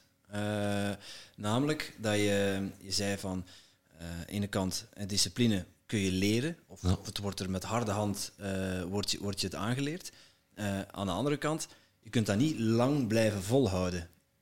Want dan ga je jezelf uitputten of je gaat jezelf uh, tegenkomen en je voelt dat dat niet bij jou past. Dus als je iets nieuws wil leren en uh, daar de discipline voor wil opbrengen om dat op langere termijn ook vol te houden, moet het ook wel bij jou passen. Ja. En jij bent dan van de landmacht naar de luchtmacht gegaan vind dat dat wel een. Ja, nee, goeie- sorry, goeie ik, ben, nee, nee, ik, ben, ik was altijd luchtmachtig. Eh, dat Ah, is, allee, eigenlijk, die, die, militaire school Ja. is, is, is voor iedereen gelijk. En nadien, eh, dus, eh, maar eigenlijk is dat wel heel, ik denk dat heel goed juist is wat, wat je zegt. En eigenlijk, je kan pas iets volhouden als, je, het- als het van, van binnenuit komt. En als je moeite moet doen om iets te doen, dan kun je er beter mee stoppen. Want dan is het niet wat je echt naartoe wilt. Als je echt een doel hebt en, en je wilt daarvoor gaan, dan is alles wat je daarvoor doet gemakkelijk en, en je doet dat graag, want het komt van, van binnenuit. Daarom ook die, dat politiek project dat ik nu heb, ehm, als ik daar iets voor kan doen, dat voelt niet aan als, als, een- als een werk of als een opdracht. Ik vind dat super leuk om te doen. En ik denk dat dat vooral eh, het antwoord is misschien, of de beste, de beste tip van, als eigenlijk iets aanvoelt als een opdracht, misschien moet je er maar beter mee stoppen en eens nadenken wat je echt wilt in het leven, of wat je echt blij maakt en, en waar je naartoe wil, wil gaan. Want dan heb je geen discipline nodig, want dan komt het vanzelf. Dat is een hele mooie tip. Ja, maar tijdens die basisopleiding heb je dan wel dingen moeten doorstaan die, die, waarvan jij voelde van dit klopt niet voor mij, maar ik wil, ik wil dit heel graag, dus dan heb je dat ervoor over. Klopt, inderdaad. Ja, omdat ik gewoon, ja, dat was, ik vond dat mooi om, om ja, af te studeren, om, om officier te worden. Eh, ik was ook best trots op, nog altijd eigenlijk, eh, dat ik dat gedaan heb. Ehm, en dan kun je dat inderdaad tijdelijk eh slikken. Maar ik begreep ook wel dat dat allemaal nut had. En eigenlijk net, aanhalen, in een oorlogssituatie moet je luisteren en dan is er geen tijd om, om te discussiëren van waarom moet ik dit of, of, of dat op die manier doen. Dus ik begrijp het wel. Maar En ook voor de veiligheid van je collega's. ja, vooral. vooral. Zeker als je, als je vliegtuigmechanieker bent, eh, ik kan me voorstellen dat het ook een bepaalde discipline vraagt om alles te, te dubbelchecken, te driedubbelchecken. Ja, als je één keer iets eh, wat slordig gecheckt hebt en er zit een boutje of een vijsje los en eh, vervolgens stijgt dat ding op en er gaat iets mis, dan ben jij verantwoordelijk. Ja. Dus dat, dat is ook een stukje, hoort ook een stukje discipline en verantwoordelijkheid Ja. Maar dat zijn wel waarden die bij Defensie toch wel, wel mooi zijn. Ehm, allee, dat is- ik heb daar echt wel een goeie, heel mooie tijd gehad. En, en, en je hebt echt wel militairen die... of De meeste militairen hebben echt wel de juiste inborst en zijn heel fier eh, op, op hun job en, en, en, en hun land. Nee, inderdaad. inderdaad eh, ja. Ja. En eh, je, bent twee jaar geleden bij je gestopt. Was daar een specifieke aanleiding voor? Ehm, goh, alles is natuurlijk complex. eh, en, en, en, en, en als ik dat moet uitleggen, ben ik er twee jaar over bezig. Maar ik denk dat er een goede samenvatting is dat het een beetje eh, te veel werd. Omdat ik deed eh, enerzijds... Allee, ik had een, wel een belachelijk zalige, zalige job. Ehm, de laatste drie jaar ehm, werkte ik voor het, het BACA. BACA is het Benelux Arms Control Agency. Eh, dat is een, een Benelux-organisme eh, of entiteit dat verantwoordelijk is voor de inkomen- en uitgaande inspecties ehm, voor verdragen die zijn afgesloten net na de Tweede Wereldoorlog. Hè, in het kader van eh, openheid en transparantie hebben hè, NAVO en Warschau-pact afgesloten om in eerste instantie ehm, eh, ja, ongeveer de helft van het wapenarsenaal te vernietigen. Dus er was een reductiefase, maar tegelijkertijd werd ook afgesproken dat elk land aan elkaar liet weten hoeveel wapensystemen ze hadden in welke kazerne. Dus elk land gaf dan door van, hier in België bijvoorbeeld, in, in, in Kleine Brogel hebben we 31 F-16's. En dat gaf, moet elk land sinds, jaren, sinds 1990 aan elkaar doorgeven, maar het kan ook geïnspecteerd worden. En ik heb ik mocht eh, die inspecties gaan uitvoeren eh, en ook de ontvangende in België, Nederland en Luxemburg mee, mee begeleiden. Wat ook weer een superleuke job was, want ik ben in heel veel van die Sovjet- ex-Sovjet-landen geweest. Eh, en eigenlijk was dat ja, niet zo'n moeilijke job op papier, want hè, we moesten gewoon gaan tellen. Hè. Een land zegt, we hebben in die eenheid 30 tanks. Ja, dan moest ik gaan tellen met een team hoeveel tanks dat daar stonden. En, en ja, dat is niet zo heel moeilijk, want allee, ik kon al tot 30 tellen. en, en, eh, maar toch waren we daar, dat klinkt misschien fout, maar eigenlijk is dat wel nodig en nuttig. We waren daar bijna een week. En dag 1 was dan hè, het officiële inspectiegedeelte, maar dag 2 en 3 ja, gingen wij ja, dat land verkennen samen met dat begeleidende team. En dan gingen wij ja, eten en, en, en, en, en toeristische plaatsen bezoeken. Dus eigenlijk een beetje op vakantie gaan. maar eh, maar dat, dat- eh, inderdaad, je zegt het heel goed, dat verbroeden is, is heel belangrijk. Want als je dat constant met elkaar doet, dan ben je minder snel geneigd om, om de week nadien op zijn gezicht te gaan kloppen. Allee, eh, en en Ja. dat is eigenlijk iets heel mooi. En ik heb dat dan drie jaar gedaan en, en ja, landen bezocht die ik anders nooit ging, ging kunnen... Allee, pas op, je kunt er allemaal naartoe gaan, hè, want het, is, het, is, het, is daar, het zijn geen conflicten, maar, maar ja, je gaat niet snel naar Wit-Rusland eh, een citytrip doen ehm, of, of op vakantie. Allee, en, en, dat is zeker aan te raden. Allee, misschien de laatste weken iets minder, maar... ehm, Specifiek dat land ligt ja, specifiek dat moment, land ja. inderdaad, bedoel ik inderdaad. Maar, maar, maar dat was wel een heel aangename job om, om te doen. En ik deed dat ook super, super graag. Want ik mocht tegelijkertijd zat ik ook voor eh, in een werkgroep in, in, in Wenen. Eh, in Wenen heb je de OSCE, dat is de Organisatie voor en Samenwerking in Europa. En ik zat daar in twee werkgroepen voor, nou ja, als, als, als, als voor België zijnde. Dus ik was daar de Belg aan de tafel om daar bepaalde zaken mee eh, te bekijken en aan te passen. Maar ik zat dan elke zes weken een week in Wenen gedurende drie jaar. En dat was een super mooie stad. En daarom, allee, de job, wat ik wil proberen uit te leggen van de job was heel aangenaam en, en, en ik deed dat super graag. Maar langs de andere kant eh, was mijn verzekeringskantoor. In het begin wou niemand bij Boefer Steven klant worden. Maar vanaf 2015 is dat wel veranderd en, en meer en meer mensen werden klant. En, en, en ja, het was moeilijk om, om te combineren, want ik was, allee, overdag ging ik dan eh, naar Defensie, want het was ongeveer een 9-to-5 job. Maar ik kwam dan thuis en ik was nog tot middernacht met, met mijn andere job bezig. En, en dat werd te veel. En, en eigenlijk ben ik dan op een bepaald moment, denk ik, in een soort van eh, bijna burn-out, denk ik, eh, eh, terechtgekomen. Ik zal het, zal het zo noemen. En heb ik een keuze moeten, moeten maken. En dan heb ik... ook omdat ik, ja, net het wel had aangehaald, denk ik, hè, van... eh, eh, ehm, je moet doen wat je graag, wat je graag doet. En, en, en ik deed de job wel graag, maar ik had wel meer en meer moeite ook met... eh, ik, heb, ik heb het uitgelegd, hè, in de luchtmacht mocht je kritiek eh, geven en dat was, dat was wenselijk Ja. omdat dat bevorderlijk was voor het slagen van, van de missie.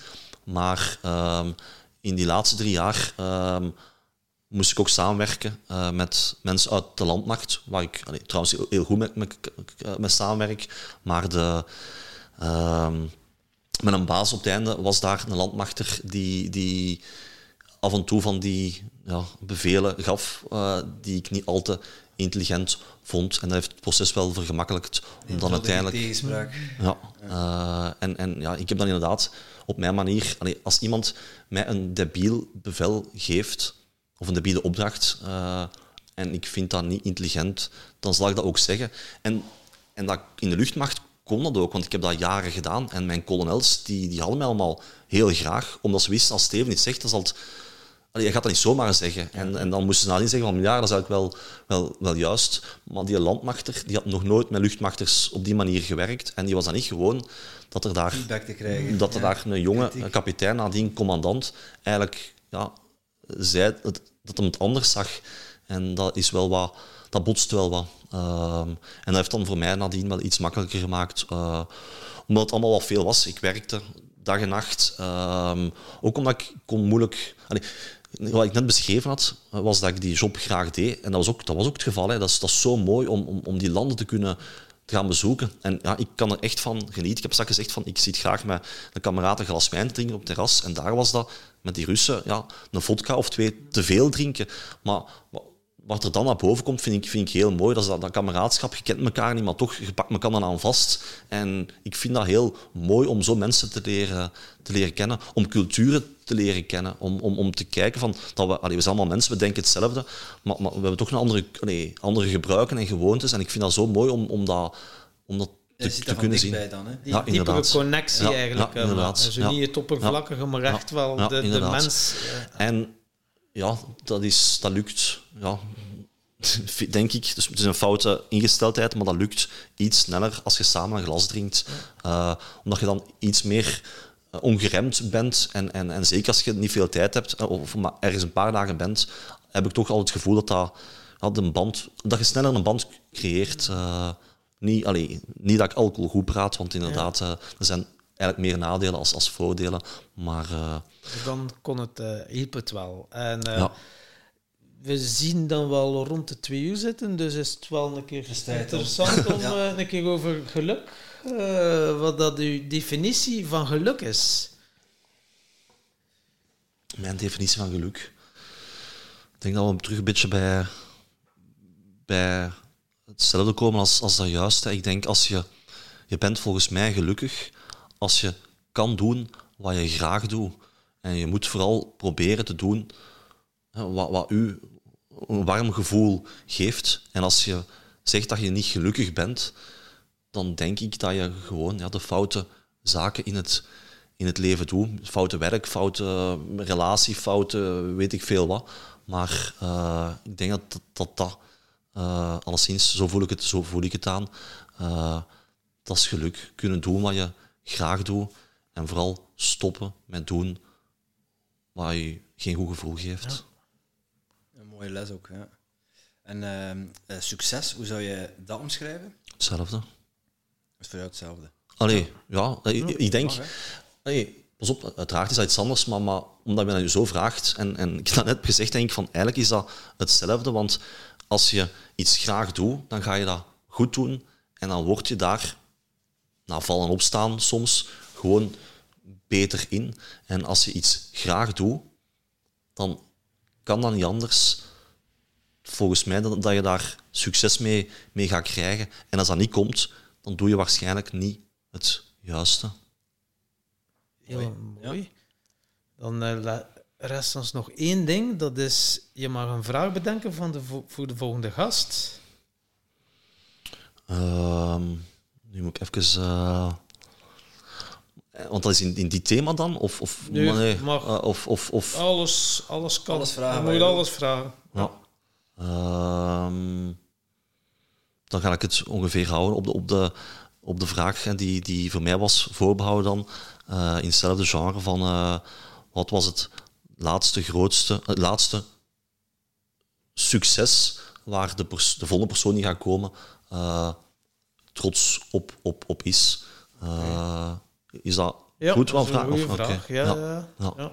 Laatste succesje Laatste waar, succes, waar dat ze, of hij trots op is. Ja.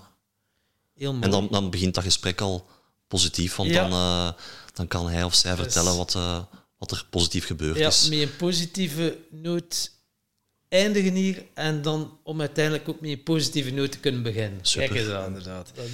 Tot slot nog iets waar, je, waar dat we het niet over gehad hebben, wat je, wat je graag nog kwijt wil? Ehm, nee, ik wil jullie gewoon vooral bedanken. Eh, het is eigenlijk heel mooi gekomen, hè, hoe dat ik hier ben terechtgekomen. Dat is een... een, een ik kreeg dan zondag eh, een berichtje en... en eh, ik voelde wel direct van dat ik dat wel wou, wou, wou doen.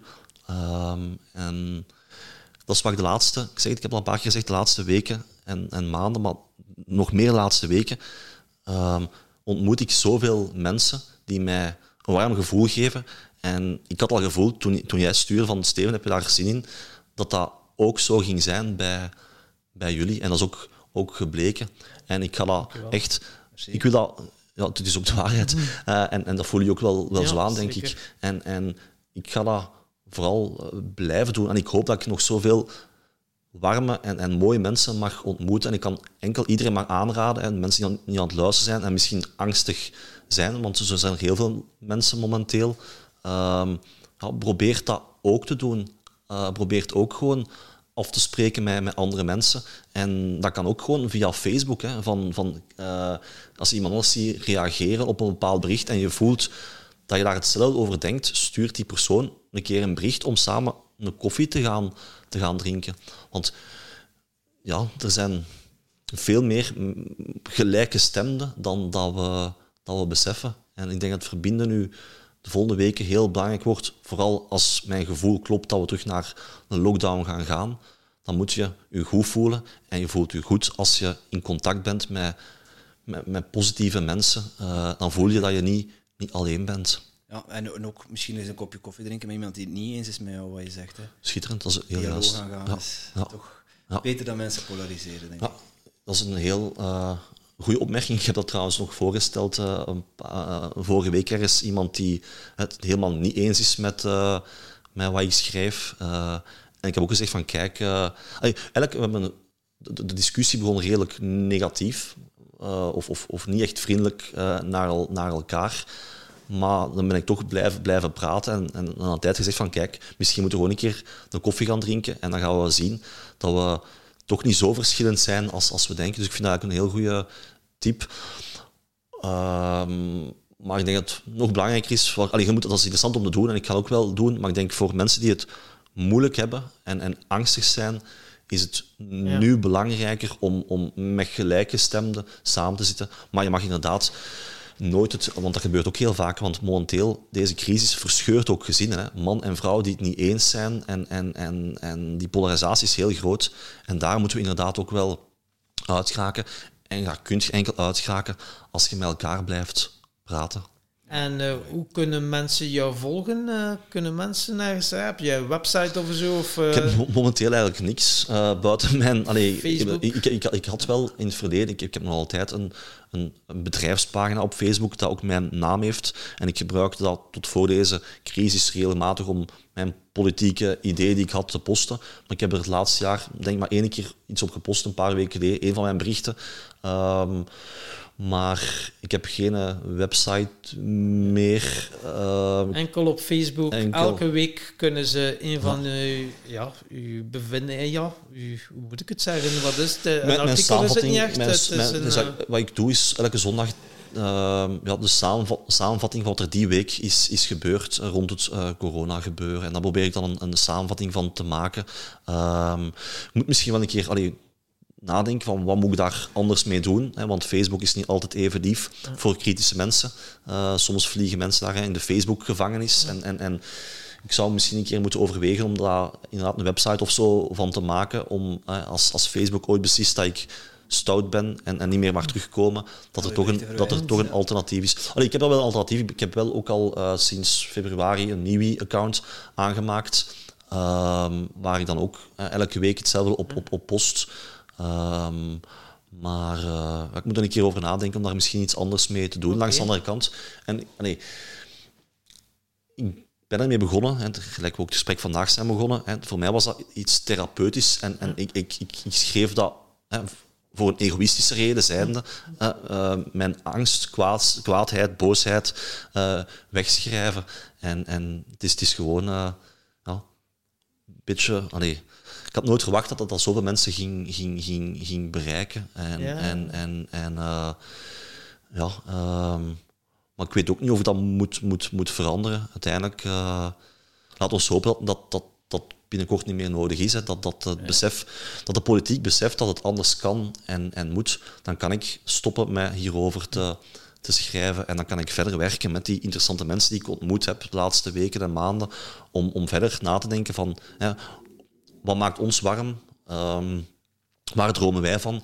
En, en, dan kunnen we verder werken aan die, aan op een positieve manier aan, aan die politieke uh, beweging. En, ja. ja voilà. we, we, zullen de link naar jouw profiel ook uh, onder in onze show notes zetten. Ja. Dan uh, hoeven mensen jou zeg dat, of ze kunnen googlen natuurlijk. Dat is wel een iets moeilijkere naam. Hè. Dat is, ja, uh, dat is, dat, dan moeten ze de lange naam niet onthouden, nog meeschrijven in de auto, kunnen ze gewoon op onze blogpagina doorklikken. Super.